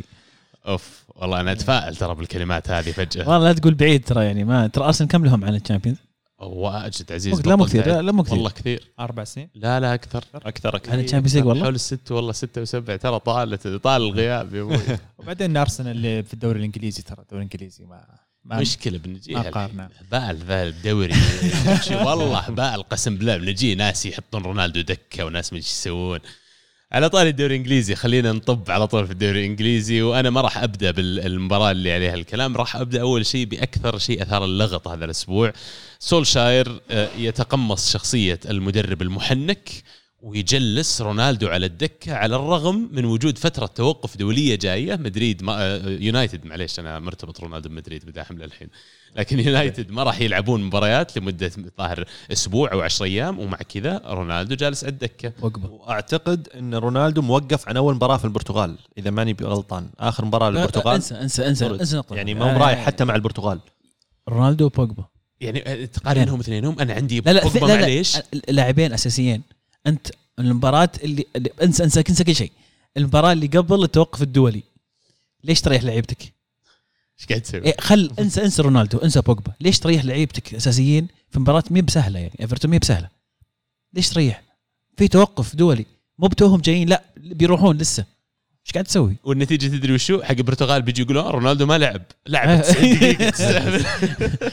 يعني قرار غريب غريب جدا من سو... شوف أنا في شيء يقهرني في سولشاير احيان إنه يحاول يسوي أشياء ما أدري من وين يجيبها. كذا كذا. ما تناسبه. اختراعات ف... عرفت اللي حافظ مو فاهم حافظ بالضبط كنت. والله حافظ مو فاهم مو ب... ليش إيش قاعد تسوي؟ إيش صدق قاعد تسوي؟ هذه هذه مشكلة إن يكون عندك مدرب ما هو يعني ما يمتلك من الخبرة فترة طويلة في التدريب. ما في أشياء كثير يسويها. لو مدرب عنده خبرة تدريبية سابقة ما يسوي يسوي اللي يسويه قاعد يحاول يثبت شيء هو كان ولا إيش؟ ما أدري. هو يبي يثبت إن أنا المدرب المحنك اللي اعرف أقدر أجلس رونالدو دكة أول شيء وبعدين أنا قاعد أنا managing ال fitness حق رونالدو. رونالدو وراه موسم طويل ويحتاج يرتاح. يا كابتن أنت حافظ. يا كابتن في فترة توقف الحين. أنت لاعبك تلعبه عشان لما يروح المنتخب يقول لك اسمع يا مدرب المنتخب أنا والله لي أربع مباريات قاعد ألعب 90 دقيقة. أنا تعبان شوي لعبني 60 دقيقة بس. ويعني آه، أنا عارف رونالدو يبغى يلعب كل مباراة لكن عزيز يعني أيام اليوفي تجلسونه على الدكة؟ مو بقبل توقف دولي. يعني كان ينزل د- ينقعد دكة في مباراة كذا تجيك وسط الأسبوع مع إمبولي مثلا. وهوم تلاقيها مو لازم وسط الأسبوع شاطحة مباراة. لأن الأسبوع الجاي مثلا في مباراة دوري ومباراة تشامبيونز ليج فتسوي ال rotation هذا. وينزل دقيقة 70 ينزل رونالدو عادي. بس يعني آه مباراة بعدها توقف دولي صراحة ما غريب. يطلع بعد المباراة بعد إيه صح عليني قعدت دكه إيش عندكم؟ إيه. يا أبوي روق ترى أول شيء مو بهواش الوضع يعني. ترى ترى نفس سالفة أنا بالنسبة لي نفس سالفة انه لا برونو يشوت بلنتي هذه نفس السالفة. لا م- ما تجي تثبت تثبت إن أنا مدرب أنا صاحب القرار بق- بقرار خطأ. لا تصر على الخطأ. مو مو غلط غلط. إذا أنت في شيء في وهي واضح عندك رونالدو يعني أنا قلت الأسبوع الماضي واللي قبله في أي فريق في العالم لو أنا أدرب أي فريق في العالم وقالوا لي اختر أي لاعب في بالك يشوت بلنتي دقيقه 90 بقول رونالدو. عندي عندي بتمنى يكون عندي رونالدو. أنت عندك. تخليه يشوت بلنتي. بس لأن أنا أنا قررت مين بيشوت بلنتي وخلاص اتفقت مع اللعيبة. يعني حتى ما ما صرح في المؤتمر. قال لا أنا متفق معهم وبتعرفون بعدين. ما يحتاج ما يحتاج هو قاعد يتكبر على رونالدو ولا ولا؟ لا هو هو بيثبت إن أنا مدرب وأنا عندي قرار. على الرغم من وجود نجوم وأسماء وكذا يبقى القرار عندي. يعني شوف المشكلة هذه الموضوع لما تجي أنت تسوي تلعب هذا الدور وتبدأ يعني قال لك إن أنت مدرك هذه الأسماء إن لما تتخذ القرارات هذه وتطلع خطأ الضغط يتضاعف أضعاف مضاعفة عليك. فيعني لا تجي تدخل نفسك في سالفة أنت الآن ضغطت لاعبينك ضغطت نفسك الصحافة ضدك. جمهور يونايتد يعني ولو سلكوا لك يا سولشاير فعليا كل واحد بينه وبين نفسه يقول مباراة قاعد العب أوي مع إيفرتون في ملعب إيفرتون فريق قاعد يؤدي بشكل ممتاز السنة هذه. ما في أي سبب اني ما استفيد منه وحط فوق هذا كله. مين البديل؟ قاعد تلعب لي مارتيال وكافاني وش الخمام هذول وعندي رونالدو دكة. والله حرام عليه يعني حتى يوم إنك بتريحه ما هكذا تؤكل الكتف يا سولشاير. لعب أساسي اسحب الدقيقة 60 اذا المباراة ما تستدعي. لكن الموسم صحيح طويل. مرة ثانية فترة توقف قبله تطلعه. أنت قاعد تبين إنك أنت قاعد قاعد تمشي في الظلام يعني. غريب والله. و hard luck لجمهور اليونايتد لأن فعلا أنا أكاد أجزم إنها تقهر. قلت أكاد أجزم اليوم كثير. بينيتز المركز الرابع مدري الخامس. والله قاعد يسوي شغل مع إيفرتون إيفرتون المركز الخامس والرابع مو يعني بينيتز هو اللي آه، لا تقدر ظبطهم تشبه مدربكم أما أنا ماني بحبه والله. ماني بحبه بس والله. يعني لا ماني بحبه بس والله الصراحة ايفرتون صدق. هالموسم قاعد يسوي آه، موسم ممتاز غير كذا المباراة هذه ترى قدام مانشستر يونايتد على الطاري فاز أبو داحم الهدف المفروض فاز، في. الأخير offside. يعني يوم إنه طلع ذاك المهبول بالكورة قدام الباب يعني شوت. شوت ملعب مفتوح المرمى مفتوح كله لا وترى غياب آه، كالفرت لوين. ريتشاردسون آه، يعني كل هذول غيابات مؤثرة فبالتالي الدوري الإنجليزي ما يستحمل إنك تخسر نقاط زي كذا بصراحة. يعني الحين الفرق بين التاسع والأول أربع نقاط تقريبا. ف فما يستحمل إنك أنت تتفلسف يا سولشاير و... وتسوي هذه الحركات. والله غريب. يعني أنا لو إني أشجع يونايتد أبفهم أبفهم على ذا السولشاير إيش قاعد تسوي؟ على قولتك يا عزيز مع إني أنا ما أحط بوجبا ورونالدو في نفس ال category يعني ولا حتى في أهميتهم اليونايتد. لكن إيش قاعد تسوي؟ قاعد تلعب مباراة away مجلس نص اللاعبين دكة ومرة ثانية فترة توقف. يا عيال يعني لا تقهرني لا تخلطني عرفت إيش قاعد تسوي؟ already عندك ماجواير مصاب يعني already ماجواير مصاب. يعني ما يحتاج فريقك تنقصه زيادة ابدا. فما وبعدين عندي واحد زي رونالدو صدق أنا عبد الله لو أنا مدرب والله لا اقعد ألعبه لين تنكسر رجله. يا عمي وش اللي يريح مريح؟ يا عمي كله جايني هو سنتين ثلاث سنين خله يلعب لي 150 مباراة على ذا الثلاث مواسم وخلاص يتوكل على الله يا شيخ. اريحه أحافظ عليه لين متى؟ شيء غريب والله. آه لكن hard luck لي آه لا والله مبروك الجمهور يونايتد التعادل هذا لأن كادت تطير منهم والله. hard luck الجمهور إيفرتون. والله صدق معليش معليش يا أخي أنزل الناس منازلهم يعني. ما تفلسف حق إيفرتون يعني. لو عندك الفرت لون لعبه. لو عنده ريتشارلسون لعبه. لكن إيش تسوي بعد؟ صح. الجولة أو المباراة الثانية كمان آه، تشيلسي فاز 3-1 على ساوثهامبتون في مباراة. أنا توقعت أن ساوثهامبتون ممكن يستقعد لتشيلسي زي ما استقعد لمانشستر سيتي لكن مو بهذا اللي حصل. آه، تشيلسي آه، التقط ثلاث نقاط مهمة جدا بالذات في ظل الهزائم اللي تعرض لها في الفترة الماضية. وعلى جانب قمم الدوري برايتون يتعادل 0-0 مع أرسنال. أبغى أقول شيء بس يا شباب. هذا الظاهر أضعف مردود هجومي لأرسنال. في الدوري بعد مرور هذا العدد من الجولات سبع وثمان جولات من الظاهر 80 سنة أو شيء زي كذا. يعني أول مرة أنزل مباريات كأرسنال ال chances حقت clean sheet أو احتمالات الحصول على clean sheet. أعلى بكثير من احتمال إني أسجل جول ومو بلأن دفاعي فريقه أو فريقي دفاعه جامد وبيجيب clean sheet لا بس فريقي ما يعرف يسجل جول بعد مباراة سبيرز اللي قلت لكم الأسبوع الماضي سبيرز كان أسوأ فريق قد شفته يمكن في البريمير ليج في هذيك المباراة من فترة طويلة جدا لكن في مباراة ضد برايتون فريق مرتب فريق يعني مقدم السنة هذه أصلا مستويات جميلة جدا يلقى نفسه في ال top 6 إذا ما كنت صح. الحين يعني مقابل أرسنال الفريق اللي صارت نظام اللعب حافظ على الكورة عشان اللي ضدك ما يسجل عليك ومع كذا برايتون استحوذ عليك المباراة. 59% استحواذ لبرايتون. آم، ال- ال- النتيجة النهائية إن أرسنال بلا مهاجم حاليا أوباميانج فعليا المستوى حقه على الملعب سيء جدا وقاعد يلعب ما ودي أقول مجاملة لأن فعليا ما هي مجاملة لكن غياب الخيارات غياب ال options وفعليا لو عندك واحد زي أوباميانج لازم تلعبه فأنا أعذر أرتيتا على الكلام هذا لكن بدأت تبين على الأقل ملامح خط الوسط خط الدفاع الدفاع تومياسو جابرييل وايت وتيرني آه والله مو بسيئين مش بطالين أفضل بكثير من خطوط الدفاع اللي كانت موجودة عندنا خلال الثلاث أربع سنوات الماضية. رامزديل اللي فاجأني اللي يعني ال memes كانت تطلع أول ما جاب أرسنال إن كل ما انتقل لفريق هبط وانتقل لأرسنال. أرسنال كان في ال bottom في ال bottom 3 الظاهر بعد ثلاث أول ثلاث مباريات. لكن من بدأ يلعب بشكل أساسي clean sheet مباراة واحدة بس اللي ما جاب فيها clean sheet وحماسية الحارس يا أخي آه، تعجبني. أنا يعجبني اللاعب دائما أقول لكم اللي حماسي يفرق معي إذا دخل جول يفرق معي إذا انهزم يفرق معي إذا فاز. هذا الشيء ما كنت أشوفه في لينو. آه، لكن الآن رامزديل يبدو لي أحكم قبضته على المركز. clean sheet ورا clean sheet آه، بس هذا اللي الصراحه كان عندي على أرسنال إذا كان في أحد ثاني بيعقب يعني. لكن البزران والله عاملين شغلهم يعني. ساكا راو كذا بس يعني لو يسجلون جول يصير كلام كبير. القمة الحين من جد. ليفربول يتعادل 2 2 مع مانشستر سيتي في الأنفيلد. في مباراة يا أخي أروع من أي شيء ثاني أجواء الأنفيلد أجواء ال- الجمهور. فقدناها كثير يا شباب العام الماضي. الصراخ وال volume واصل عندي في التلفزيون تسمع تحس إنك وسطهم. يعني فعلا ملعب ما مثله. لكن في الأخير سيتي قدر إنه يطلع بتعادل في مباراة في العادة ليفربول يجلدون فيها السيتي جلد. ما أدري وش انطباعاتكم عن المباراة شباب. أنا ما راح أقيدكم بشيء معين. تتكلمون عنه بشوف وش ال... كل واحد وش الاوبزرفيشنز حقته على الأقل. صراحة ما كان ودي المباراة تخلص. كانت آه، مباراة جميلة جدا واحتمال كبير إنها تصير من أجمل مباريات هذا الموسم. آه، أمتعونا بصراحة الفريقين. اللعب كان جميل جدا هدف صلاح بصراحة هذا ال- ال highlight ال highlight highlight المباراة ولكن بشكل عام المباراة كانت جميلة جدا. وكان المفروض أن يطلع بالثلاث نقاط ليفربول ولكن في نفس الوقت سيتي يستحق التعادل يستحق على الأقل يطلع بنقطة آه هذا وجهة نظري في الموضوع آه وش صار؟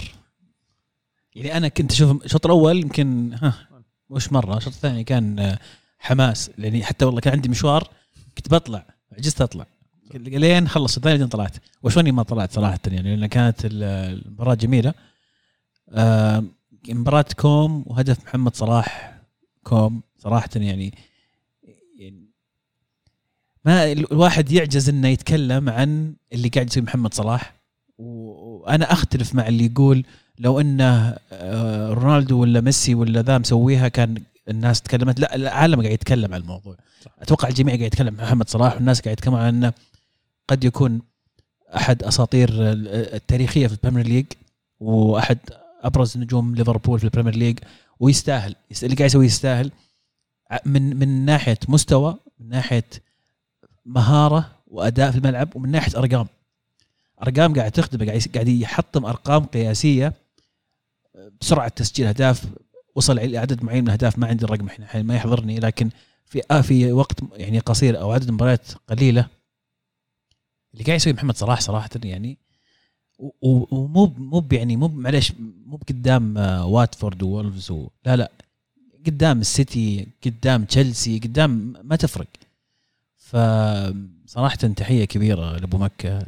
يستاهل والله أبو مكة. يمكن إحنا تكلمنا عنه آه، عزيز آه، الحلقة يمكن قبل الماضية أو. ان إن صلاح يعني ما ما أحب دائما بعض الأمور أو التصاريح اللي تدار حوالين إنه مظلوم لأنه عربي ولأنه مسلم لكن ما أدري أحس إني بديت أستوعب أو بديت أحس إنه فعليا ما أخذ حقه الكامل من المديح آه، آه، كلاعب آه، استمرارية عطاء آه، أرقام تاريخية قاعد يحققها. تأثير على مستوى آه، ال- ال- ال- المجموعة آه، مع مع ليفربول.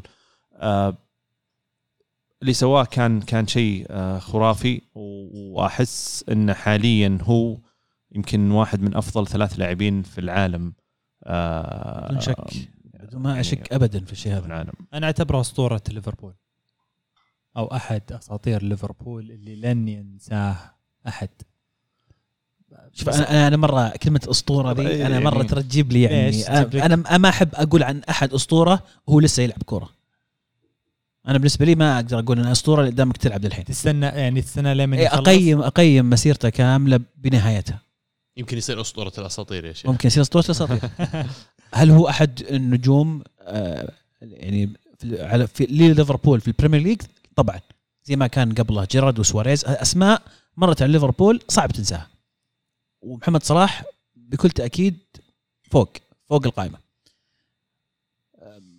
بس يعني الهدف لما ترجع للهدف وتشوف تشوف أصلا انه كيف كان محاط بثلاث لعيبة وبلمستين سريعة طلع من بين الثلاثة ولما انفرد بال من كان لابورت والمدافع لابورت، إيه. إيه. آه، الأول برناردو سيلفا اللي بعدين جاء لابور كيف قلب لابورت طبعا لابورت مخلي يتوقع إنه صلاح بيروح يسار يسار. رجله إيه. اليسار اللي يشوت فيها إيه. يروح يمين وشوتها باليمين طبعا على طول الناس شبهوها بهدف ميسي على بايرن ميونخ لما سدح آه، بواتينج. آسف محمد والله- انقلب المواجهه يعني صلاح قاعد يلعب فيفا. صلاح والله صلاح يلعب فيفا والله. الهدف صدق. أول ما جاء في بالي العب فيفا أونلاين الصراحة كذا تجي الأهداف حقت فيفا. صحيح. ولتري الحركات عرفت؟ علق على ال right stick سحب الكورة سوى الحركات فيها مربع X كذا فجأة لقى قدام نفسه قدام بابه وبعدين باليمين. يستاهل البلندور والله يستاهل. هذه يستاهل فعلا البلندور بلا يعني يستاهل. ما أدري إذا في تشوفون أحد ينافسه. يعني لا كلوب بعد ال بعد ال- المباراة يقول لو ميسي ولا رونالدو مسجل الهدف هذا كان قلتوا انه هدف world class أو يعني هدف عالمي. أتفق طب- معك. طب بس بس جت هو ردة فعلا فعل. هدف عالمي عالمي. ولاعب عالمي. لا شوف ما أنا يحتاج إنه يكون ميسي. أتوقع ان صح. اليوم محمد صلاح اسمه بقوة ميسي ورونالدو اليوم. اكمالا لكلام النقطة اللي ذكرتها عزيز تو على موضوع إنه العالم تكلمت على الهدف وقارنتها بهذول النوع من اللاعبين فعليا. بعد الهدف هذا صار في كلام من من وسائل إعلام عالمية بشكل كبير السكاي آه، وعد واغلط إنه ذكروا إن الهدف هذا هدف فعلا world كلاس ويقارن بأهداف ميسي وكريستيانو اللي يسجلونها. آه، إذا اذا اذا إذا بنتكلم بشكل سريع على المباراة أنا ما شفت الشوط الأول لأن كان الظاهر يوافق الشوط الثاني من مدريد وإسبانيول بس الشوط الثاني هو اللي أعتقد وبناء على ما قريت إنه أفضل. آه والجانب التكتيكي اللي يمكن طلبوا مننا كثير آه إنه نتكلم نجيب طاري. في تصريح لكلوب بعد المباراة تكلم سال آه مراسل على وش صار في الشوط الثاني وش سويت. فتكلم بكلام تكتيكي يعني عميق جميل جدا اللي اللي ما شافه يروح يشوفه. تكلم إنه آه ليفربول كان في الشوط الأول يفتقد إلى ال- يسمونها ال extra pass اللي هو التمريرة الإضافية والتمريرة الأخيرة. زائد ان ت- ت- آه، خطوط الفريق كانت متباعدة فبالتالي عطى أريحية لمانشستر سيتي إنه يلعب في وسط الملعب ويوسع الملعب قد قد ما يقدر. اللي سويناه الشوط الثاني إنه صرنا compact أكثر قربنا الخطوط. كانت عندنا ال- extra pass هذه اللي تسببت آه، في في الهدف الأول حق حق ليفربول وساهمت في في تسجيل الهدف. ف دائما مباريات ليفربول والسيتي ليش تكون جميلة أو تمتعني لأن تحس إنك فعلا تشوف فيها تغيرات وفيها جوانب تكتيكية جدا كبيرة زي هذا التحول اللي صار آه، بين الشوط الأول وبين الشوط الثاني ليفربول ويجيك يعني مدرب زي كلوب يشرحها لك بعد المباراة ولما تجي تتذكر المجريات واللي صار في المباراة فعليا تبدأ تر- تربط. فعليا ليفربول كان الشوط الأول خطوط متباعدة كان الفريق يستعجل في عملية ال- ال- passes الشوط الثاني لا صار في تقارب أكثر صعب الموضوع على السيتي صار في ال- ال- ال- السرعة وفي في تناول الكرة وهذا الشيء أدى إلى أن ليفربول يسجل هدفين وكان قريب من تسجيل الهدف الثالث لولا خلينا نقول ال- التصرف الغريب من فابينهو اللي كان الباب مفتوح قدامه انتظر فجأة. انتظر لين المدافع لين جاء رودري. إيه. بالضبط. وخلصها ولا ولا قدر وتكتيكيا يسجل يعني الخطة واضحة. ليفربول كان يبغى المسافة والمساحة ما بين خط الدفاع وخط الهجوم مضغوطة بقدر الإمكان. بالضبط. ليش؟ لأن عنده ثلاث مهاجمين سريعين يبغى أول شيء إنه ما في مساحة بالنسبة لسيتي يمررون الكره ويتحركون في الملعب وفي نفس الوقت يبغون لما هم يكسبون الكره يصير في مساحة خلف مدافعين سيتي على أساس يقدرون يستغلونها ويستفيدون منها. في المقابل سيتي كان دائما ودائما وابدا هذا الهدف حقهم يبغون يوسعون الملعب بأكبر قدر من الإمكان عشان يستفيد أصلا من كمية الهائلة من ال technical players اللي موجودين عنده ست لاعبين خط وسط يلعبون ما عنده أصلا مهاجم فعليا حتى رودريجو أو رودري. رودري. رودري آه، شو اسمه المهاجم حقه؟ جابرييل جيسوس, جيسوس. حتى جابرييل جيسوس فعليا أنا ما أعتبره مهاجم هو محسوب أكثر على اللاعبين الوسط. هو يعني لاعب طرف لاعب يمكن حتى لاعب تسعة ونص لكن فعليا قاعدين يلعبون بدون مهاجم صريح. آه، سلم لي والله على فودن اللي لاعب عمره 18 19 سنة. لما أجي آه، أشوف مثلا أقول آه، أرسنال مستانسين على ساكا وسميث راو ولاعبين بنفس العمر ترى فعليا صح. بنفس الجيل. صح. وبعدين أجي أشوف لاعب زي فودن مقعد رياض محرز على الدكة. مقعد ستيرلينج على الدكة وقاعد على أرض الملعب يكاد يكون هو أهم جزء هجومي في الفريق بشكل كامل. فيعني عندهم كمية هائلة من التالنت واللاعبين اللي قادرين يعملون الفرق. آه، السيتي السنة هذه أنا بالنسبة لي على الأقل فريق غير فريق قوي مرة أقوى بكثير مقارنة بالسنوات اللي قبل. وقد تكون ضر آه، رب ضرة نافعة إنهم ما قدروا يجيبون كين الصيف الماضي لأنه حيعطي مجال أكبر إن الاعتماد على اللاعبين الشباب هذول. راح يعطيهم مجال أكبر كمان إنه يعطونك أسلوب كرة قدم. يعني يمكن آخر مرة شفنا فريق يلعب فعليا 4 6 0 ترى يمكن ما شفناها حتى إحنا في الخمسينات والستينات يوم كان هنغري يلعبون بالطريقة هذه. يعني أنا أنا سعيد والله على اللي قاعد يصير يعني. صلاح آه، آه، كرة ذهبية؟ السنة هذه صعبة كرة ذهبية صراحة. ليه؟ فيها فيها يورو فيها كوبا أمريكا. وش بتقول لي شو اسمه؟ إيطالي ذاك حق الوسط. يا صدق المرشحين. المرشحين جورجينيو وميسي. حرام. لا هذا الواقع للأسف إن هذا الواقع الجوائز تحكم بشكل كبير. يعني لو ليفربول حقق الدوري صلاح يصير ضمن ال three top 3 يعطونها قبل ما ينحسب الدوري. دوري أو تشامبيونز أو آه صح قبل ما ينحسب الدوري. أو مثلا أمم أفريقيا. بس افريقيا في آه، في يناير صح؟ أعتقد إنه في يناير فبراير إذا ماني غلطان يعني إذا هي بتعتمد على النتائج أكيد. يعني جورجينهو ميسي ممكن يكون خيار. لكن صلاح آه، يعني ودي إنه يختم مسيرته. ليفاندوسكي مثلا. لي هين ليفاندوفسكي هذا في مستوى مختلف. شيء أخير خيار ميلنر كظهير يمين بدال أرنولد كان كارثي. صح. أول شيء ما ينفع إنك تلعب بالطريقة هذه يعني يوم إنك بتقفل ضد فريق زي سيتي تجي تشارك بميلنر صح قبل موسمين ثلاث أربع مواسم كان ميلنر قادر يغطي في ال role هذا. لكن اليوم قدامك فودن فاتح لك شارع وراك كيف تقدر؟ والله كيف تلعب فيه؟ أنا عندي أرحم لو إنه خلت سيميكاس يبدأ ظهير يمين من إنه يسوي الخمام اللي هو سواه. أم، يعني ليفربول يفتقدون عديد من اللاعبين ترى هذا مو بليفربول في بكامل جاهزيته. في المقابل سيتي النقص عنده أقل بكثير. ما أعتقد عندهم لاعب ناقص إلا يمكن ستونز ومو يعني مو بشرط إنه واحد يعمل فرق. مندي مسجون للحين. زين- زينشينكو يمكن هو اللي إيه، بينه بس- وبين بين كانسيلو يعني. بس كانسيلو الفترة الأخيرة هو اللي صار يلعب. جندوجان. جندوجان صح. بس مقابل. إنك تقول لي إيه، ألكسندر أرنولد إيه. مقابل تقول لي شو اسمه حق الوسط اللي يصيب حقهم توه؟ تياجو تياجو الكانت لا غير تياجو بعد إليوت. اي اليوت إليوت. الجديد آه، صغير. فيرمينيو تو راجع. فيعني في في أنا أشعر النقص كان أكبر شوي عند ليفربول لكن من أجمل مباريات البريمير. ليج. هذا واحد من الأسباب اللي فعلا نتابع فيها البريمير ليج. ويكفيك تصريح جارديولا بعد المباراة قال آه ما فزنا كان ودنا نفوز بس ترى ما خسرنا. ومباراة أنا استمتعت فيها حتى كمدرب سيتي مع ان أنا اللي شفته على الأقل من التلفزيون إنه ما استمتع ابدا. أف أفلم شوي.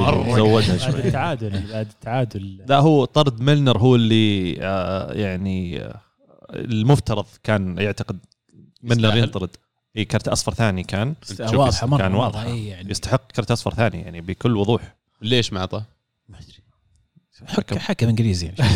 م- ميلنر سمعته زينة يمكن عشان كذا. لا ميلنر دائما. بالعكس دائما كروت وطرد إيه. دائما كروت ميلنر. ما أدري بس عشان إنجليزي أحس- بس زبطه. أحس من اللاعبين اللي سمع يعني مو على سالفة دائما ينطرد بس سمعتهم زين إنه مو بجايك يعني تكسير إيذاء عرفت؟ إي بس بس إعاقة واضحة جدا جدا يعني ما أدري كانت صراحة. قوية حتى. طاح طيحه شينه برناردو سيلفا. يعني معليش بس دي بروينا ما تكلمنا عنها في مباراه آه، باريس. صح. آه، في لقطة خش على جاي الظاهر آه، كبس داخل بغى يكسر ساقه وفي فار وما رجع شافها ولا طرده فيعني مو بس البريمير ليج ترى ولا عشان إنجليزي تصير في كل مكان يعني. سمعت؟ يمكن الحكم بلجيكي هذاك. أكيد له دور. وبس هذا اللي يعني يمكن المباريات اللي كان عليها الكلام في البريمير ليج في المباريات الثانية إذا كنا بنذكرها بس لأجل الذكر سبيرز يفوز 2-1 على استون فيلا هاري كين ما زال غائب عن التهديف ما زال غائب عن التغطية أصلا ولا هو موجود. يقولون واتساب آه، مو في موجود البريمير ليج فقط. فقط في الاتحاد الأوروبي يسجل نعم. هاتريك مو- هاتريك مو اتحاد أوروبي لو سمحت. آه يا شيخ، بطولة شو المؤتمر في البطولة المؤتمرات ذي الأوروبية؟ المؤتمرات. سالفني المؤتمر. محمد عنها بطولة المؤتمر الأوروبي قبل شوي. جايزت لك كنها. وش هي هي الكونفرنس آه، الكونفرنس ليج بصراحة. أشوفها ب- نقطة تستحق الذكر إن ال- آه، في عندك روما وتوتنهام قاعد يلعبون هناك وقاعدين يبدعون. و- يعني معليش بس يلعبون مع مين؟ إيه قاعدين يلعبون مع يعني اسوء من شريف بعد تخيل. آه، آه، بكثير الله. شريف. جنب- الله عليك. ف... فأنا أشوف إنه ممكن آه، يستحق الذكر هنا. آه، على كلام اللي أنا سمعته أنه راح يستمر هذا الدوري لمدة أربع سنين وراح يعطي للأندية اللي ما حد يعرف من وين جات فرصة أنها تلعب مع أندية ثانية ما حد يعرف وين ما حد يعرف بالضبط يعني ناديين ناديين بس.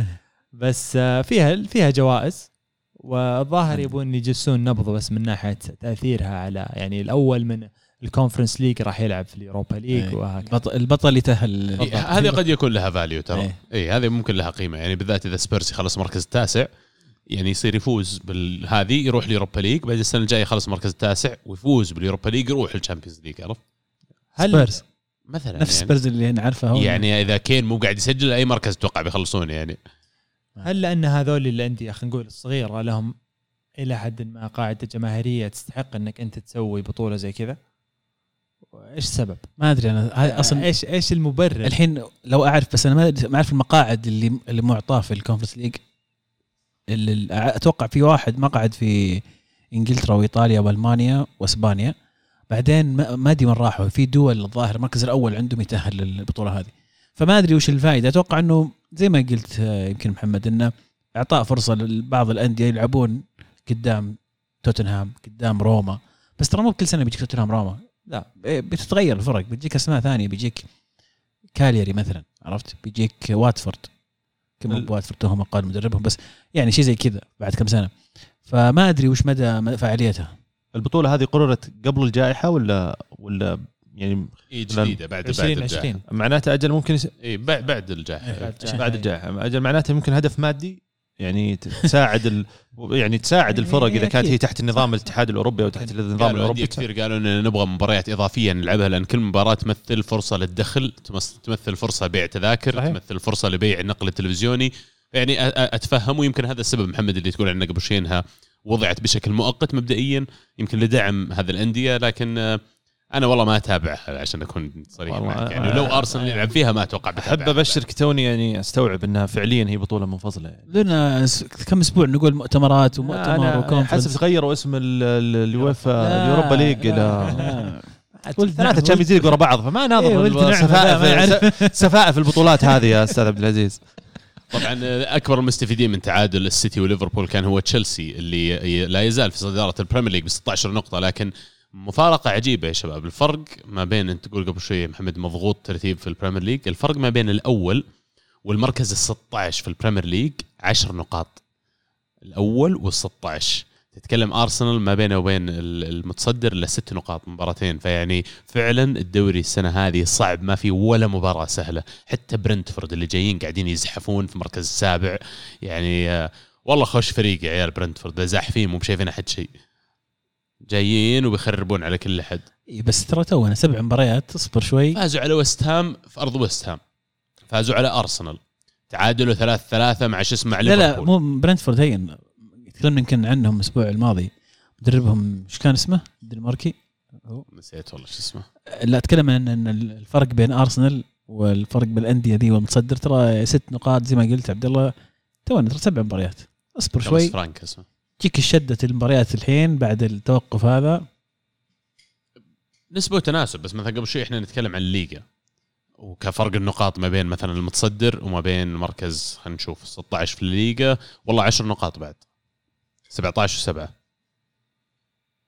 يعني والله الدوريات السنة هذه شكلها كلها الوضع أصعب تفوز. بس يعني في المقابل آه، في في البريمير ليج الأندية اللي قاعد تنافس ترى على أعلى سلندر عندهم على أعلى أوجهم قاعد يلعبون والحين في الليغا الأندية شوي تعبانة يعني حتى الأندية القوية اللي تنافس عندهم. فهذا الفرق. على جانب آخر نوصل يا عزيز آه، أنت احسك تنتظر هذه اللحظة من زمان إلى جنة كرة القدم آه، بالنسبة للعزيز تقول فانتسي والله.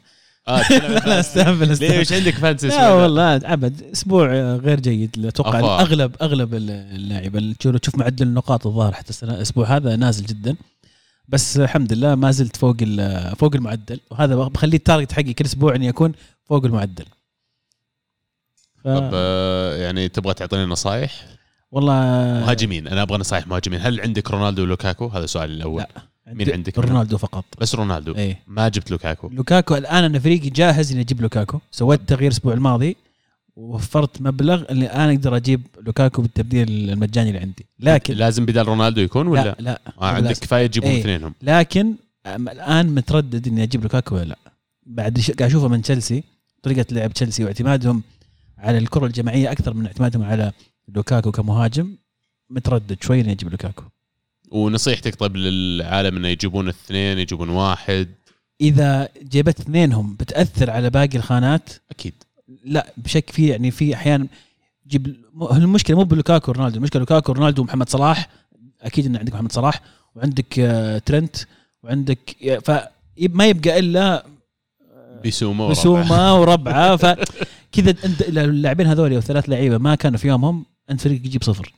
فالأفضل إنك يكون عندك نجمين أو ثلاثة بالكثير فريق بس عزيز الحين مع سولشاير ووضعه مع رونالدو طيب يعني أنت إيش رأيك في الموضوع؟ يعني هل هل هذا ماخذه بعين الاعتبار والحركة اللي صارت في آخر مباراة؟ هي أنا عارف إنه بيعقل سول- سولشاير وبيعطي penalties رونالدو قريبا بي- بيحترم نفسه وبيقول طيب أنا غلطان تفضل penalties وبيلعب كل مباراة لأنه ما أتوقع إنه يتحمل فريقه إنه ما يقدر إنه ما يلعب رونالدو لكن آه، لازم نتابع نشوف إيش يصير. لأن صدق الموضوع ال fantasy يخليك مها... اللي اللي ما عنده budget يبي مهاجم مهاجم برايتون. شو اسمه الفرنسي؟ موباي. موباي. مو بزين. أم- لا مبدعين برايتون. كم جايب جالسين كم جايب يسجل. ما جاب شيء ترى. لا مسجل ظاهر أربعة. إي أربع اهداف أربع أهداف يعني على برايتون رخيص. ما عندك budget ما أتكلم عن لوكاكو رونالدو والله المهاجم آه، وولفز. اللي القطة. هوانج إيه اللي اي القطة. اي حتى يعني حتى حق برنتفورد أبو شعر شو اسمه توني هو. توني. وولفز مشكلتهم عزيز إن أدائهم السنة هذه ضعيف جدا وصح المباراة الماضية جاب جولين بس ترى قبلها وولفز مو قاعد يسجل مو قاعد يسوي إيه. شيء. يعني قد يكون مخاطرة أكبر من غيره ومو برخيص بعد ظاهرنا بخمسة ونص. بس هذا اللي عندك fantasy هذا اللي عندي fantasy أنا أحب أنا ترى على فكرة لو بجيب لوكاكو لازم أبيع واحد من رونالدو صلاح ولا ترنت؟ ما أقدر ما أقدر من ثالث؟ ترنت أرنولد. أرنولد آه، أنا أعتقد صلاح يعني هو لاعب لازم موجود إيه. في كل فريق في ال fantasy ال 50% ظهر 60% مختارينه. ال 40% اللي مو مختارينه هذول منسمين منسمين لازم هذا إيش لازم. قاعد إيه يسوون لا. شامسي منهم. نبي update على مراكز ال draft تكفى. آه ال draft. والله ال draft يعني عندنا نوعين من الناس في ال draft. ناس يعرفون يلعبون وناس ما يعرفون يلعبون.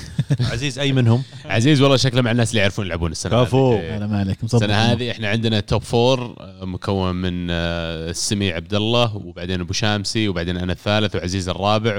والغريب في الموضوع إن الجولة هذه كلنا جبنا 45 نقطة 45 أو 44 بس يعني كذا قاعد تهيط عليهم يا عيال ما ينفع زي كذا. شلون بتجيبهم عرفت؟ كل احد قاعد يجيب نفس النقاط ما يصلح. جد. والنص الثاني من الدوري جايبين 20 نقطة 22 نقطة. ففي في يا فرق كبير يعني. يا ساتر. يلا. بس والله هذا تحديثنا عن ال fantasy يعني إن شاء الله نعطيكم update عنه بشكل مفصل أقرب أي. نصيحه أخيرة. لا تسوون تبديلات بدري. ترى في انتقالات شتوية انتقالات شتوية. فيه توقف دولي. وإصابات واشياء كثير تصير. فاصبروا شوي. صح. ومو بس كذا أنا أعرف واحد من اللي دائما يجيبون top 10000 مو معرفة شخصيا بس أتابعه يعني. فيقول دائما أسعار اللاعبين تتغير قبل المباراة بيومين تقريبا لما الناس تسوي انتقالات. يقول ولا مرة جيت أنا سويت انتقال قبل اليوم آه sorry إيه آه قبل ما يصير تغيير السعر على أساس إني أبغى ألحق على ذا اللاعب قبل ما يغلى مثلا. يقول لا. أنا أصبر لين آخر لحظة لين أشوف المؤتمر الصحفي حق المدرب لين أشوف مين بيلعب مين مو بلاعب ويقول ترى بنهاية الموسم اللي بيصير الفرق ما بيني وبين اللي مستعجل ذا كم في ال squad كله نص مليون ولا مليون يقول لكن في ال 38 مباراة راح أكون أنا اتخذت قرارات أفضل لأني أنا انتظرت لين آخر لحظة أقدر أغير فيها اللاعبين لا تستعجلون كويس. حتى لو طلع اللاعب سعره أنا كذا. والله ترى أنا إلا قبل ال deadline بساعة آخذ قراري أو حتى أقل أحيانا خمس دقائق إي والله الأسبوع الماضي كذا. مرات يعلق لحظة. عليك المشكلة. إيه، إيه، هذا المشكلة، ما. تقدر تصبر. نقدر نروح للجنة. يلا هنا الجنة. يا عزيز؟ فايز. ومستانس. عشان كذا يلا. clean sheet. صح. أنا مبسوط ب clean sheet. انت ما تستوعب إن two clean sheet ورا بعض. يعني واحدة واحدة قدام تشيلسي واحدة الحين قدام تورينو في الديربي. ومو أي تورينو. تورينو يوريتش. تورينو فريق يوريتش. بادي الموسم بشكل قوي وبشكل ممتاز. ف وبغياب المهاجمين مرة ثانية. فاربع مباريات يا عبد الرحمن على التوالي فوز. فأتوقع إن هذا يعطيك آه، دافع كويس. لكن المباريات الجاية ترى بسهلة. إنتر وروما بعد التوقف الدولي. مباريات صعبة. بس يعني يمكن ما في شيء كثير نتكلم فيه عن هذه المباراة. اليوفي مرة ثانية كلين شيت مع إنه تغير المدافع. كان بونوتشي قدام تشيلسي المره هذه آه، كليني بعد الاخت صايرين يوفي ذا زيرو 1 ها؟ ما في قدرة ضاربة في الهجوم بس إنه قادرين إنه okay هذه المباراتين اللي. قبلها 3 2 3 2 شوف الفرق. قدام مين؟ قدام آه، سبيتزيا و أنا أحب أليجري في المباريات الكبيرة. شخصية أليجري اللي شفناها على الخط في مباراة تشيلسي وتورينو كانت هي شخصية أليجري اللي اللي, اللي نخبرها من قبل. ف فالناس كانت تطالب بالصبر. أنا ما كنت مرة أيد أقول يعني أليجري المفروض جاي عارف الفريق ليش ليش نصبر نصبر على واحد جديد؟ لكن الواضح إنه فعليا كان هو يحتاج شوي صبر خصوصا مع تغير العناصر فرق كبير عما كان نستلم الفريق من قبل.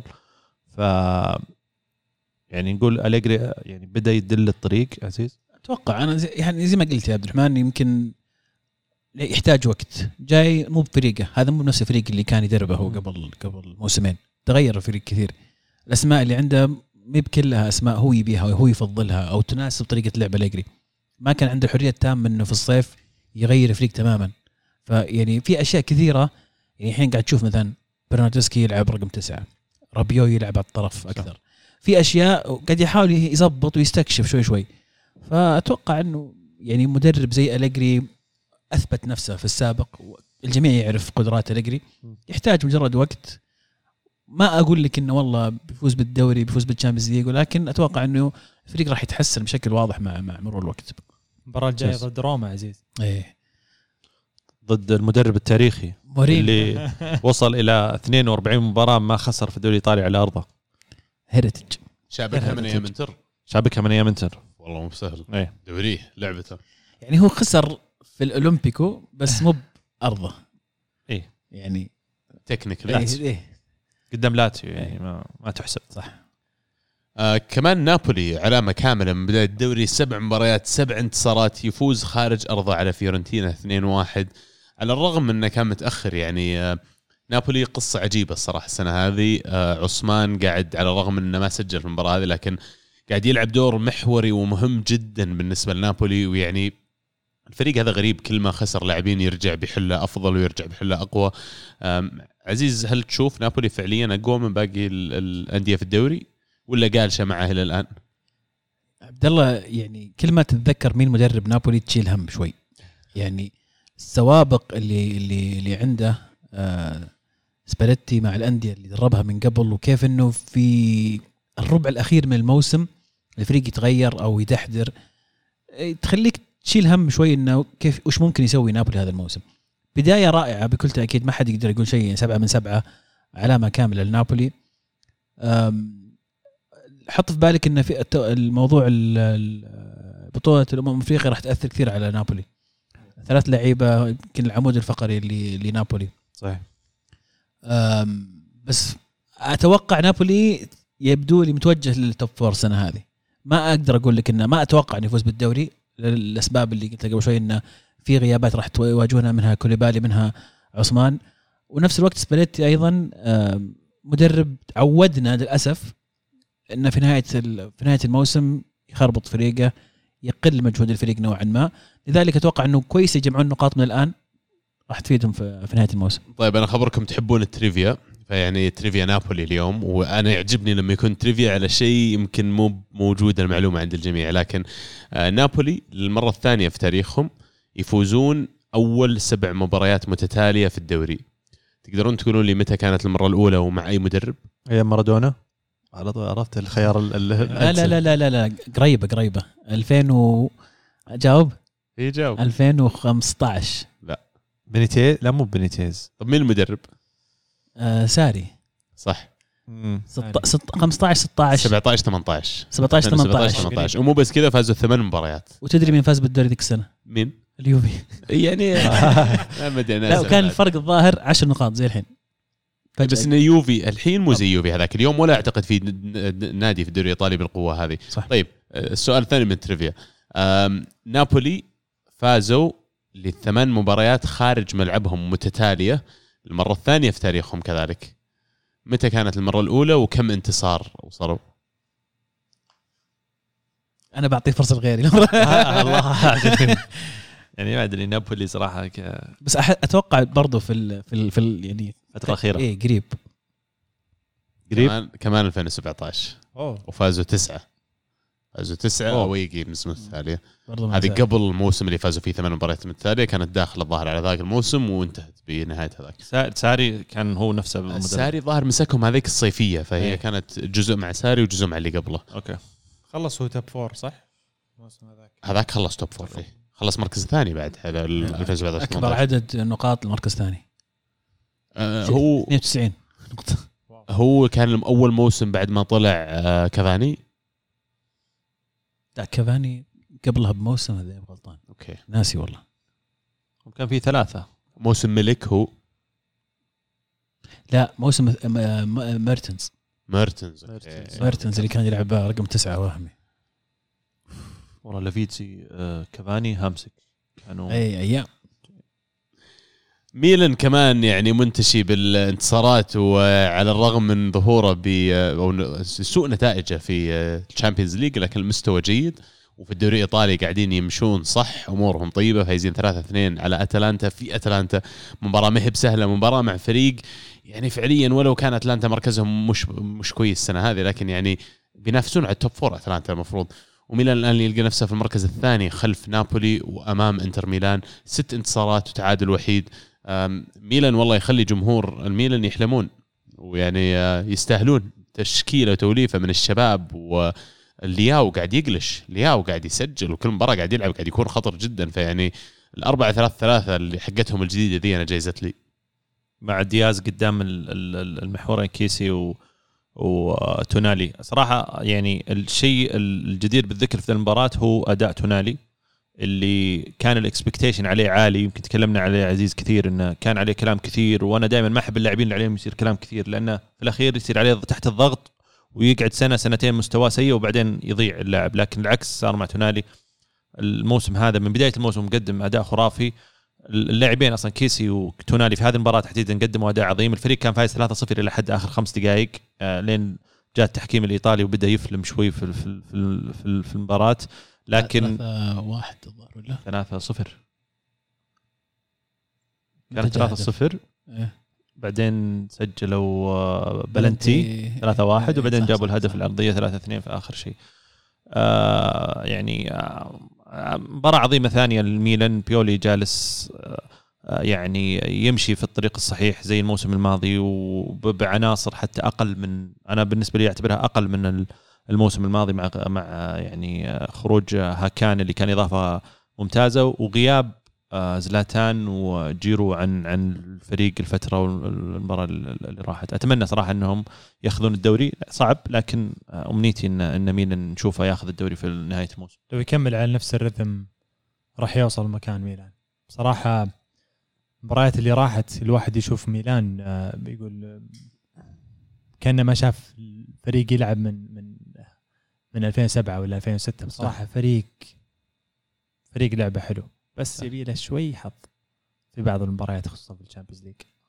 وتحس ناقصه لاعب أو لاعبين. صح. فعليا يعني آه، غياب زلاتان للحين ولو كان زلاتان يعني كبير وكل شيء لكن تخيل لو إن زلاتان بداله واحد آه، زلاتان ثاني بس عمره 28 ولا 29 يعني كان ترى ميلان شكله. مختلف تماما. اي يعني آه، ناقصهم هالشيء الصراحه هم جابوا جيرو على هالموضوع المفروض ولا؟ وزكم مسكين.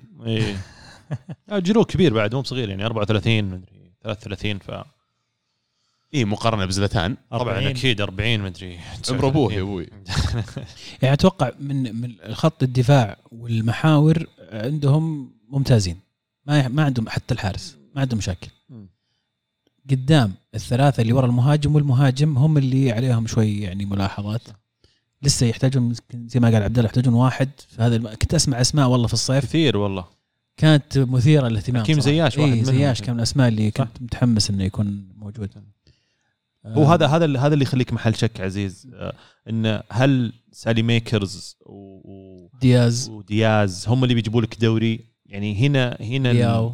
لياو يعني قل. على الأقل كعنصر وحتى ريبيتش لما لعب فهذا فهذا اللي يخليك تشك شوي. مهما تفائلت وتحمست تحس إنه لا اللاعبين هذول قاعدين يأدون اللي عليهم. لكن في فترة من الفترات ووقت الحسم اللي تحتاج فيه اللاعبين خبرة ولاعبين كبار ما يكونون هم ال- ال- اللي حاضرين وموجودين. ستة من سبعة ميلان. مش بط... والسابعة تعادل بعد إيه. مي بخسارة. يعني مي بشيء شيء أبد. مش بطال undefeated بالضبط للحين يعني وضعهم صراحة ممتاز. أم، على الجانب أو القطب الآخر من آه، مدينة الميلان إنتر يعود من الخلف أمام ساسولو آه، يفوز 2-1 آه، في مباراة يعني ميل آه، انتر قدم الشوط الأول واحد من أسوأ الأشواط اللي شفت آه، انتر يقدمها خلال الفترة الماضية. وبعدين الشوط الثاني رجع بأداء مختلف تماما. والصراحه أعطي جزء كبير من ال credit لسيموني إنزاجي اللي ما انتظر كثير على التبديلات. شاف خلال عشر دقائق من الشوط الثاني مو ماشية على طول سوى تغييرات. آه، ما أتذكر الصراحه من اللي نزلوا بالضبط جيكو واحد منهم سجل. لكن يعني أعطيه credit كبير على اللي صار في لقطة بس هي اللي غريبة كانت يعني قاعدين يستهبلون لاعبين انتر على هندانوفيتش يعني.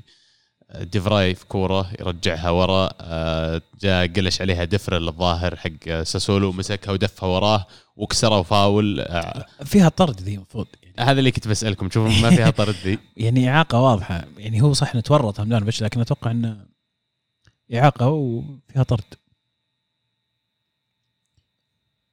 يعني ما يعني ما أدري عاد التقدير الجديد الحين زي زي بلنتي ما, ما عاد صار الواحد يعرف صراحة مع التعديلات الجديدة واللخبطة ما أدري يعني لأن آخر لاعب هل هو يعتبر لأنه في فرصة تحقيق هدف أو إنك عندك مجال إنك تحقق هدف فبالتالي ما تأخذ صح. يعني بلنتي وطرد في نفس الحالة آه، يعني يختلف. حتى بلنتي مي اللي صار على ميلان أمس قالوا إن الكورة سقعت في رجل كيسي ما أدري سقعت في رجل اللاعب قبل ما تسقع في يده إيه. فبالتالي تغير اتجاهها فما كان هو قاصد. فيعني آه، في في أشياء بسيطة معينة تفاصيل يمكن الواحد ما يدري عنها بس عاد في الأخير فازوا انتر وخذوا اللي يبغونه من المباراة. يعني الغريب إن ساسولو من الفرق اللي قدام انتر وقدام ميلان وأحيانا قدام اليوفي يطلع بشكل. إيه، يطلع شكل مختلف تماما. يعني حتى المباراه هذه رغم إن الانتر فاز ترى ال- الهدفين اللي سجلهم الانتر كلها من أخطاء فردية من الحارس أنا في وجهة نظري. إيه. الهدف الأول العرضية كيف تمر قدام الحارس بشكل غريب ولا يطلع لها وصلت إلى جيكو والبلنتي ال- المضحك صراحة اللي تسبب فيه آه، كونسيلي الحارس. ف لكن ساسولو ما كان سيء ما كان سيء هذا واحد. اثنين شوي شفت جانب من الإنتر كان مخفي من بداية الموسم إلى اليوم. الجانب اللي هذا الإنتر فعلا يفتقد إلى بعض العناصر اللي طلعت من الموسم الماضي. فعلا هذا الإنتر مو بنفس إنتر الموسم الماضي. صح هو المرشح للقب حامل اللقب لكن وضح لي نقاط الضعف اللي موجودة في هذا الفريق اللي ممكن تخليه فعلا يفقد اللقب حقه. وش المركز مثلا؟ قصدك ظهير يمين مثلا أشرف؟ أشرف حكيمي وحتى لوكاكو. حتى حتى لوكاكو. أي لوكاكو. حتى لوكاكو. دومفريس ما أتوقع إنه أقنع يعني مع إني أنا كنت متفائل فيه أحس صراحة كان لاعب مواصفات مشابهة أو قريبة من اللي يحتاج الإنتر الجناح الظهير اللي يقوم بدور الجناح لكن ما أقنع سيميوني إنزاجي لحد الآن. واضح إن دارميان هو اللي قاعد ياخذ الخانة عليه. لكن بو, بو شو اسمه بوجا هو؟ هذا غريبه ما حد شاله من الدوري إيه الإيطالي. غريب ما أدري والله. مرة على ممتاز. الاقل اليوفي مرة ميلان. ممتاز. مرة ممتاز. ربط اسمه كثير ب- في الصيف بس ما أنتقل. لكنه ممتاز والله. الفترة الأخيرة طالع كلام إن كيسي بيروح آه، يونايتد. يونايتد مهتم فيه؟ أعتقد عشان عقده وسالفة إنه باقي في عقده مشكلة،. سنه وعنده مشكلة مشكلة مع في التجديد فبالتالي على طول يطلع كلام. أريجو ساكي طلع بعد يقول إذا اللاعب مو قاعد يأدي ويبدو لي انه حاط باله على العقد اللي تجدد ما تجدد اذا يمكن إذا يا يجدد يا ما تلعب تطلع من الفريق أصلا. آه، ما يندرى والله كثير عندي أعرف بيصفون يشيلونه كثير مرة يعني بس إنه مو قاعد يساعد نفسه بالاداء السنة هذه لأنه في الأخير العرض اللي بيجيك بناء على أدائك آخر سنة. صحيح. هذا هذا واقع نعرفه للأسف. آه، بس سؤال ثاني على نفس المباراة يا عيال هاندانوفيتش آم، كيف حارس يقدر يروح؟ وما أتكلم عن بس المباراة أتكلم يعني على الموسم هذا. كيف حارس يقدر يروح من هاندانوفيتش يمكن أفضل حارس في الدوري الإيطالي إلى هاندانوفيتش السنة هذه خلال فترة وجيزة جدا؟ يعني أحس drop غير منطقي شوي في الأداء حقه. للسن أحكام. أنا ضربتها بالسن صح؟ والله شوف تحس؟ للسن أحكام. وكون لعيبة ثانيين يوصلون إلى أعمار متقدمة وما زالوا في عطائهم سواء حارس أو لاعب في المص... يعني في ال- في الميدان. ما يعني ان ان إن موضوع العمر ما يأثر. لا الطبيعي إنه يأثر عليك العمر.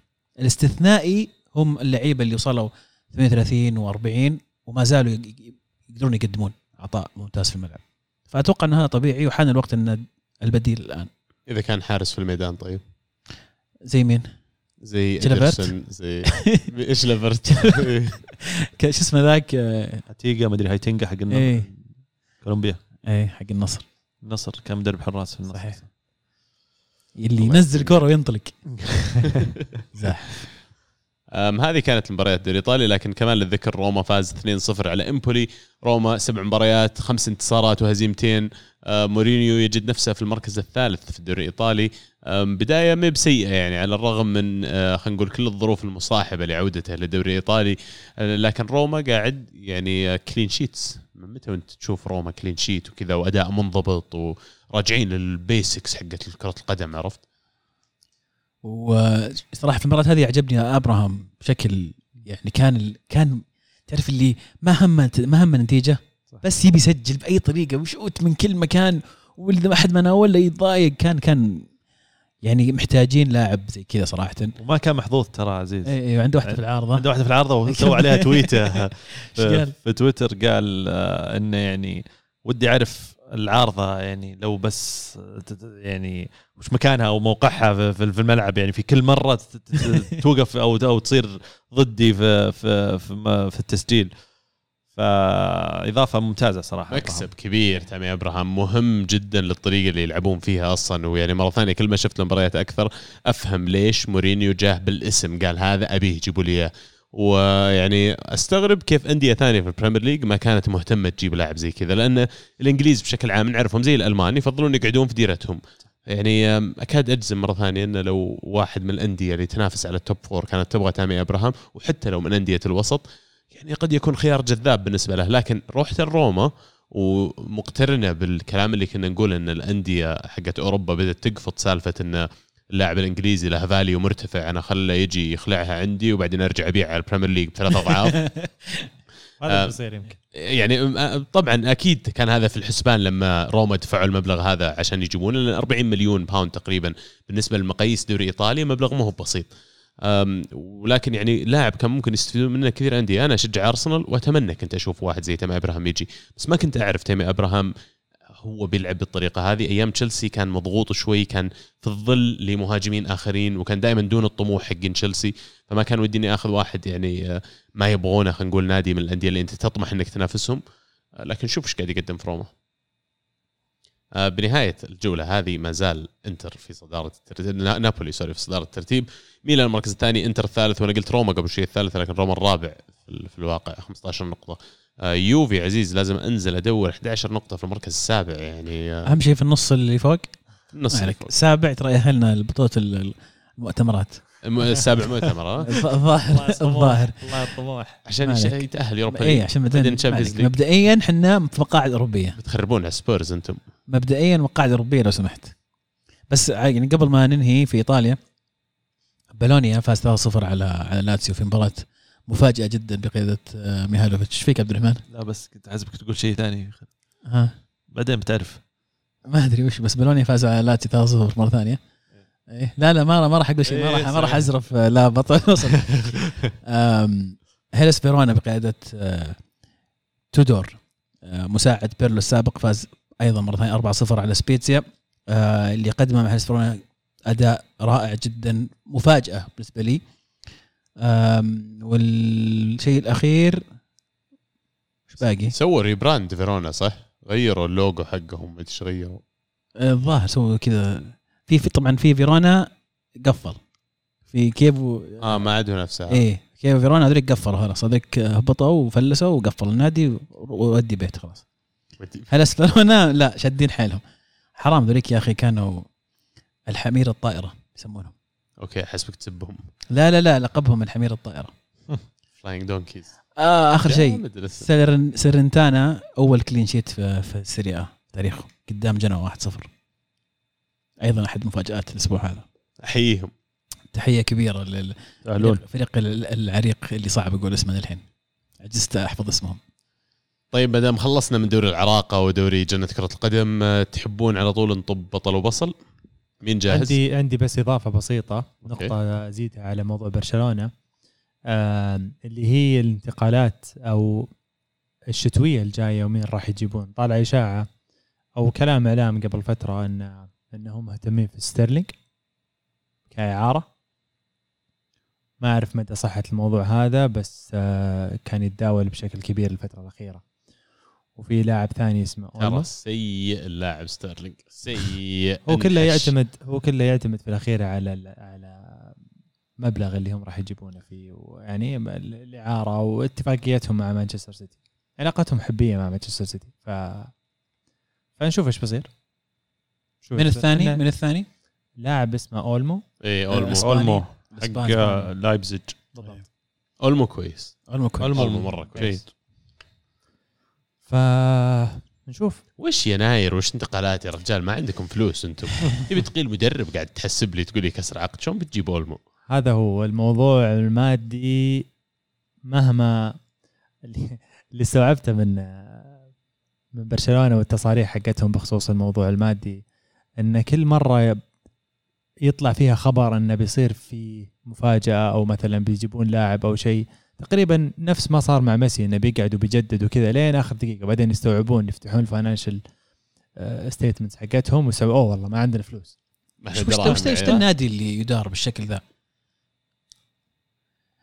أنا احس أحس ان مو بكل البرشلونيين مستوعبين هم وين بالضبط الآن وإنك إيش كبر ال- الشق؟ يعني شك كبير. يعني أنت معلش قبل شوي تقول لي ستيرلينج واولمو أنا ما ما أتوقع إنه برشلونة راح يدخل في منافسة على الأسماء هذه أصلا ولا يقدر. يعني ودي أرجع شوي ونقول الطموح السنة هذه البرشلوني لازم يكون مقعد الستر. Champions League الموقع ال- ال- الطموح الستر. طموح ثاني للأمانة إعادة البناء لازم يكون في استراتيجية واضحة خطة واضحة لإعادة البناء الفريق. لأنها تأخرت أساسا. هي تاخر هي هي تأخر. عبد الله له ثلاث مواسم يقول بع. كل من الموسم اللي راح. بع- بع والله والله. صدق. له ثلاث مواسم يقولها والله. خلاص. يعني متى آخر مره متى آخر مرة برشلونه باع, باع تدريجي. لاعب نيمار؟ مو مو ما- مو طرق إيه. بعد. ما كان ما بطيء كان- ما ما كان- إيه. يبون حتى. إيه. غصب. يعني سيئين في ال- ارثر اللاعبين.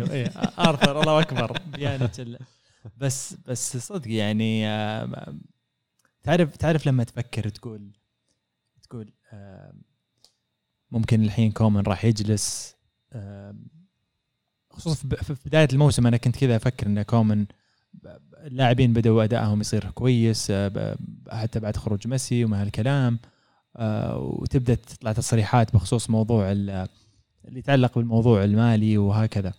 وتتفائل وتبدأ ترسم طموح وتبدأ ها تبدأ تقتنع إنك ممكن تطلع بشيء الموسم هذا. بعدين يصير في تصريح ويصير في مفاجأة.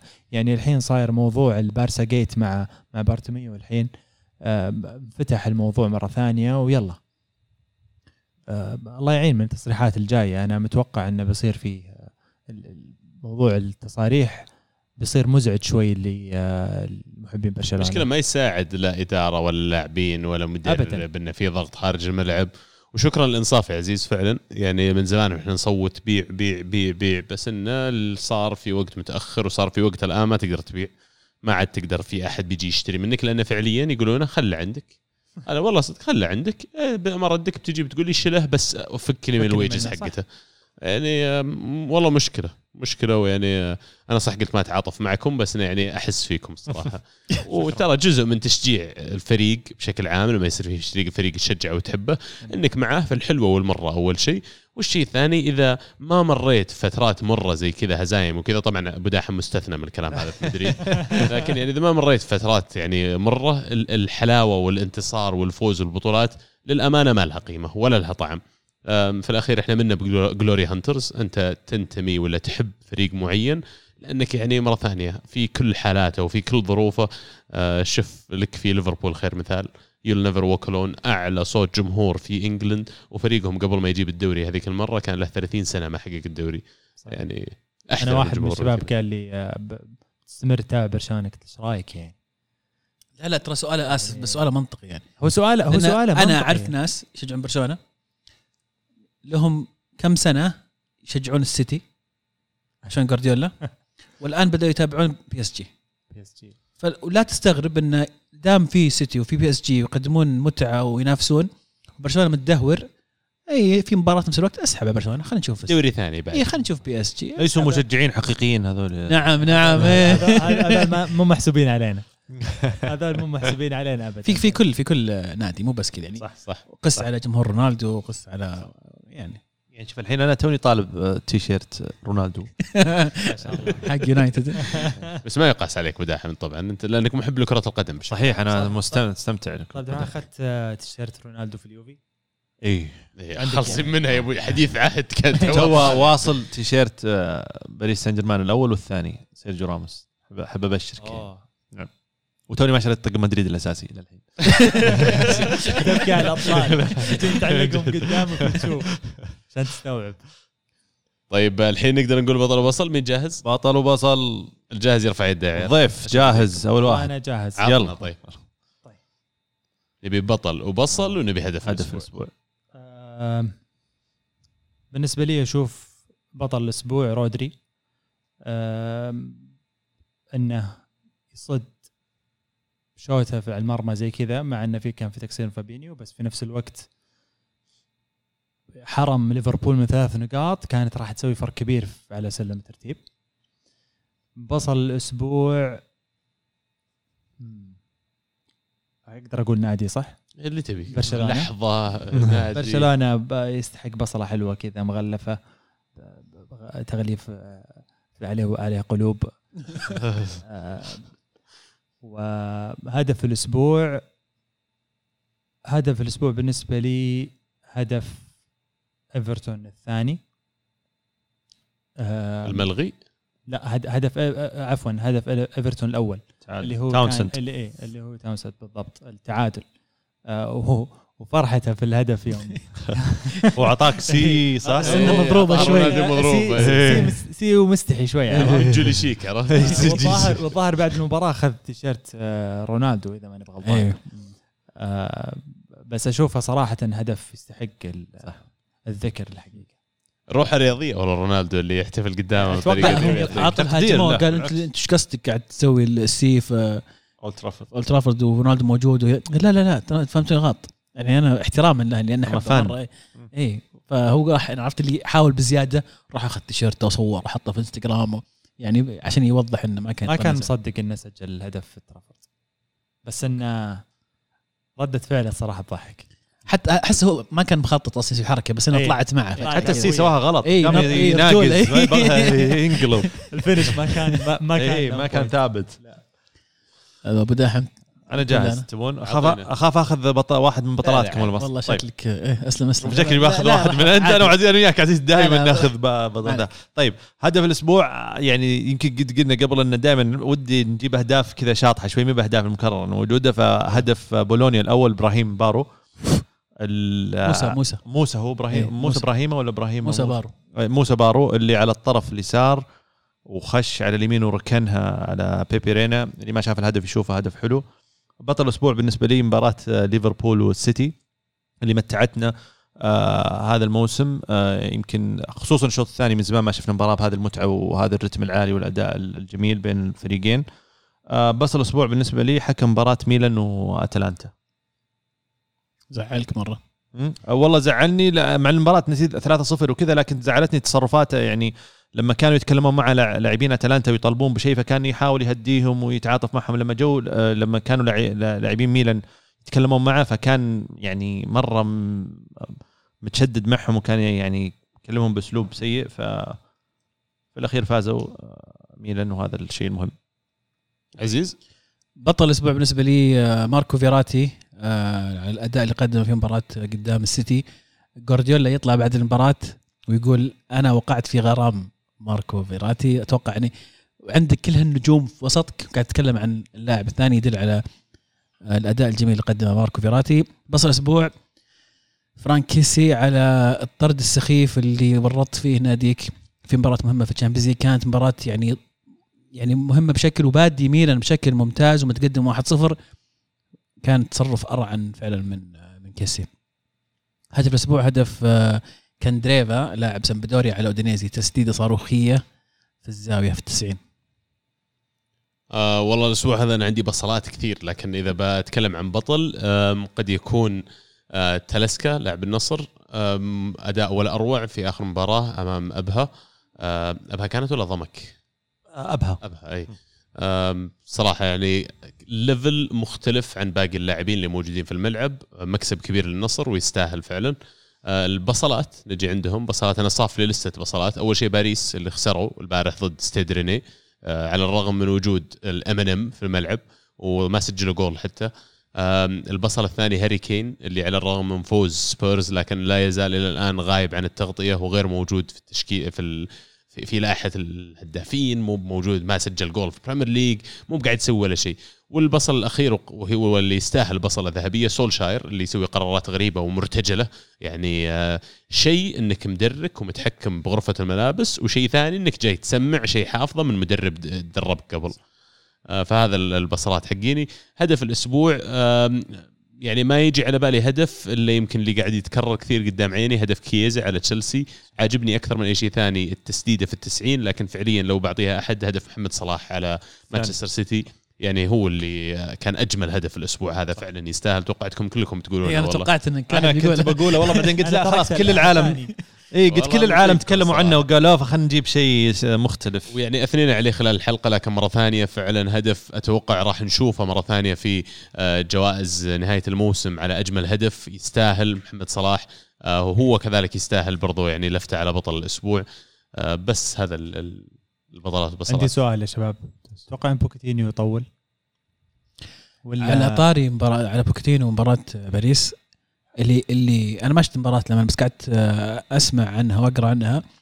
رين دخل المباراة ومدرك إن هذا الفريق عندهم أربع لعيبة ما راح يضغطون عليك. يعني شل من لما تهجم أنت في أربعة ما لهم دخل. اللي هم ميسي ونيمار ومبابي ودي ماريا. هذول كلهم ما راح يسوون لك شيء. فتنزل ما أنت بخايف تنزل تهاجم. فإذا استمر الشيء هذا عند بوكيتينو عند PSG ما أتوقع إنه راح يطول بوكيتينو. يعني يا إنك تلعن اللعيبة وتقول لهم اضغطوا مسموح الواحد منكم ما يضغط بس الباقيين يضغطون. أو إنك تلعب ناس تضغط. نزل إيكاردي إذا إيكاردي بيضغط نزل دراكسلر شوف لك حل. أما عندك أربع لعيبة في الفريق يعني تقريبا أكثر من ثلث الفريق صحيح. مو قاعد يضغط. دمار دمار. والوم بوكيتينو عليه هي بيتحمل 100% من الملامة الصراحة لأن إيش قاعد تسوي؟ حطيت مدرب ثاني تبي تفهمني مبابي وميسي ونيمار بيضغطون؟ حسب هو, هو. هذا الكلام. هذا الكلام. آه، بوكيتينو تكتيكيا ما أحس إن عليه يمكن خلاف إلا يمكن شيء بسيط أو ذا لكن شخصية المدرب هل تقدر تتعامل مع هذا الفريق يعني أنا سمعنا الحين إنه في تحزبات مثلا مع آه، كيلور نافاس ضد آه، دوناروما بعض اللاعبين متعاطفين مع نافاس ومكلمين بوكيتينو إنه ليش تلعب دوناروما ما تلعب نافاس هذا واحد من ال- الأشياء الثانية آه ميسي قال آه إنه والله أنا أرتاح لما ألعب جنب دي ماريا ولا أبغى دي ماريا يكون عنصر أساسي معي في في الفريق فبالتالي لازم مدرب بالتالي يبغى لك. مدرب قوي شخصية و... وصعب التعامل مع هذا. هو هو بس الكلام إنك تتحملون ذا الموسم لأن مبابي طالع نهاية الموسم هذا فأنتم تحملوا ذا الموسم كملوا كملوا ذا الموسم على خير نجيب ال Champions League وبعدها لكل حادث حديث. جايب Champions League بس هذا ما تجيب والله ما تجيب تشامبيونز ليج طبعا شوف بيختلف أتوقع الوضع في ال Champions ليج يعني لما يجي مباراة صدق. إيه، إيه أنا اتخيل زي ما صار السيتي نص نهائي. ولا شيء ولا حتى ميسي كان يضغط يبوي صح. بس مع- مرة ثانية معليش. هذا المشاكل اللي تصطدم فيها لما يكون الإدارة هي اللي تختار اللاعبين الإدارة هي اللي تجيب لك التشكيلة اللي تبغاها. يعني فعليا ما حد بيقول لا إذا بتجيب له ميسي بس هذا بيصير في balance غير موجود في الفريق لما تكون التشكيلة مبنية بالطريقة هذا. حتى الأظهرة معلش حتى الأظهرة أظهرة هجوميين بحتين يعني أشرف حكيمي لاعب ظهير جناح مينديز الصغير البرتغالي اللي تو جايهم لاعب ظهير جناح. فبالتالي في في فراغات وفي مساحات يعني مرة كبيرة. سيرجي راموس هو الحل. وهو لا حتى راموس. سيرجي راموس. يعني. أنا أقول سبب خسارة آه، باريس الأخيرة 2-0 غياب سيرجيو راموس. رجعوه. بيرجع إن شاء الله يجيب. كمان النصر آه، أعلنوا التوقيع مع مدرب بيدرو إيمانويل. هو نفس المدرب اللي كان يدرب ألميريا في الدوري الإسباني. الآن النصر يبحث عن مدرب في الفترة القادمة وبالذات أن دوري أبطال آسيا جاي قريب بعد فترة توقف ما أدري إيش ممكن يسوي مع النصر في فترة قصيرة جدا. بطل بطل كاس الملك مع التعاون. صح هو يعني عارف الدوري. صاحب المركز. الثالث في الدوري الاستثنائي. وراك تضحك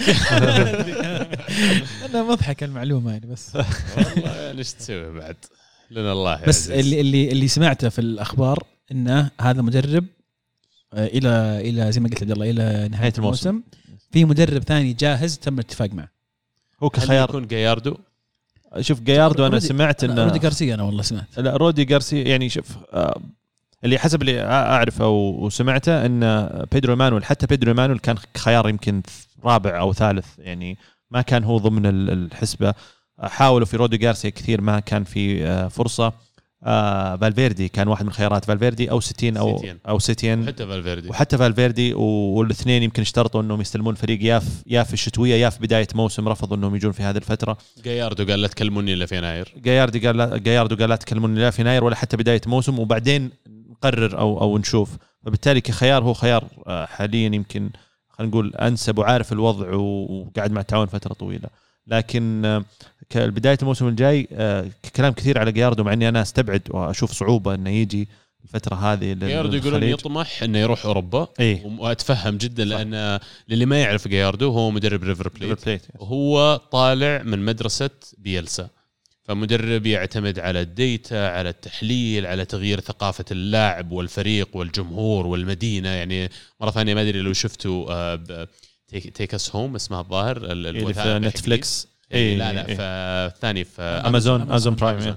جميل جميل جميل فعلا إنه يعطيك نبذة شوي عن المدربين هذول كيف يفكرون لو كان جياردو هو الخيار أتمنى لأول مرة أشوف في الدوري السعودي مدرب ينجاب على مشروع ثلاث أربع سنوات ويخلونه يحطونه وينسونه لأن إذا كانوا بيسوون هذا الشيء أعتقد إنه هو بيكون المدرب المناسب آه، وبس هذا ال- اللي كان عند تبون تذكرون شيء بعد ولا خلصنا؟ والله بس يعني أنا آسف بس يعني غير متفائل بان نادي سعودي عنده مشروع ثلاث أربع سنوات. أنا آسف. بس يعني شفنا مدربين أسماء ثقيلة تجي وطارت بدون أي سبب. موسم ونص. يعني كان عندك مدرب والله ما تحلم فيه في السعودية. تارك تارك كل أندية أوروبا وجاي عندك. انت جيسوس جيسس إيه جيسوس. شوف الحين شوف شوف- راجع برشلونة ثلاثة. والله توني بقول لا لا توني تدري وهو يتكلم جاء في بالي ولا قاطع كلامك sorry عبد الله كنت أقول والله جيسوس لو راح برشلونة والله اني ينفضهم نفض. خيار بس بالنسبة الهلال هو اللي قاعد يجيب مدربين بالاسم ذا ويقيلهم معليش لو الوضع الوضع لو كان يجي مختلف. النصر قاعد على أرثر جورج ترى سبع سنين. روقني ولا ما اتذكرون جورج لا لا معروف طيب يا أبوي إيه لو عندي ذا أبو والله شنب بشيله صار درب الهلال بعد بعدها ترى. أنا خبر اي بس إيه. أنا قصدي إنه يعني معليش الهلال هو اللي قاعد يشطح لا شوفوا فجيسوس ترى حاله حالة. مختلفة عزيز جبت جارديم وبديتوا تحفرون له إذا كانكم ما تشوفون تراكم بديتوا تحفرون له وباقي شوي بدأ عزيز. أنا ماني دخل. عزيز هو اللي بدأ والله أنا أنا ما أنا لا أنا ما حفرت لأحد ولا سويت شيء. أنا أنا أنا أنت. مع المشروع الطويل أنا أصبر صعب صعب أنا أصبر المشاريع الطويلة مع الأندية الكبار في في السعودية بصراحة ما, ما في تراها بعض الأحيان من الطرفين. من إيه، المدرب ومن من النادي. المدرب. لأن. المدرب يعيش موسم في السعودية بعدين يبدأ يحس إنه خلاص مليت. ذا أبي النحشة. يفرق تيجي تيجي أصلا تدرب مين ومتى؟ يعني تيجي تدرب مثلا الهلال وهو توه فايز في- بالدوري سنتين ورا بعض وماخذ آسيا طبيعي إنه ما راح يتحملك طي تجيب العيد. تيجي تدرب الهلال وهو له خمس سنين ما فاز بالدوري و- ويطلع من نص ربع النهائي في آسيا okay بنتظر بتحمل. يعني في في تحمل. فتفرق متى تجي ولاي نادي وش طموح النادي. بصراحة استقطاب أسامي كبيرة للدوري السعودي آه، صعب جدا بصراحة والسبب الإقالات والمواقف اللي قاعدة تصير. بس أتوقع المدرب ما يضايق الشيء هذا. لا يضايق اشياء معينة. جاياردو مثلا تصديقا لكلامك جاياردو كانت من الشروط حقته يقول الرواتب ما تتأخر يوم. رواتب اللاعبين ما يتكلم عن نفسه حتى عن اللاعبين. يقول رواتب اللاعبين ما تتأخر يوم. ومعليش كلنا نعرف أن الدوري السعودي تتأخر رواتب حتى في أكبر الأندية يعني. يعني هذه من التحديات الموجودة ويمكن نسوي لها حلقة موسعة إذا جت فترة توقف دولي نتكلم عنها لكن طولنا عليكم اليوم. آه هذا كانت مواضيعنا لحلقة اليوم. نتمنى تكونوا استمتعتوا معنا. ألف شكر لك محمد نورتنا اليوم. والله واثريتنا حاضرين. بمشاركاتك انبسطت والله بتواجدي معكم وإن شاء الله آه، إن شاء الله نجي معكم وقت ثاني بإذن الله. أبد. برشلونة يبدع شوي. إن شاء الله في ظروف ازين ها؟ بإذن الله بإذن الله. بيتك الله. يعطيكم ومحلك العافية. والله وسعيدين والله بوجودك. آه، نذكركم تابعونا على جميع حساباتنا على التواصل الاجتماعي. موجودون موجودين على Twitter SoundCloud iTunes YouTube آه، حتى على انستغرام موجودين. تابعنا كل اللي عليك. تحط الكرة معنا. إذا انت مسوي follow سو follow سوي لنا rating ما نستغني والله. وإن شاء الله وعدنا معاكم يوم الثلاث القادم.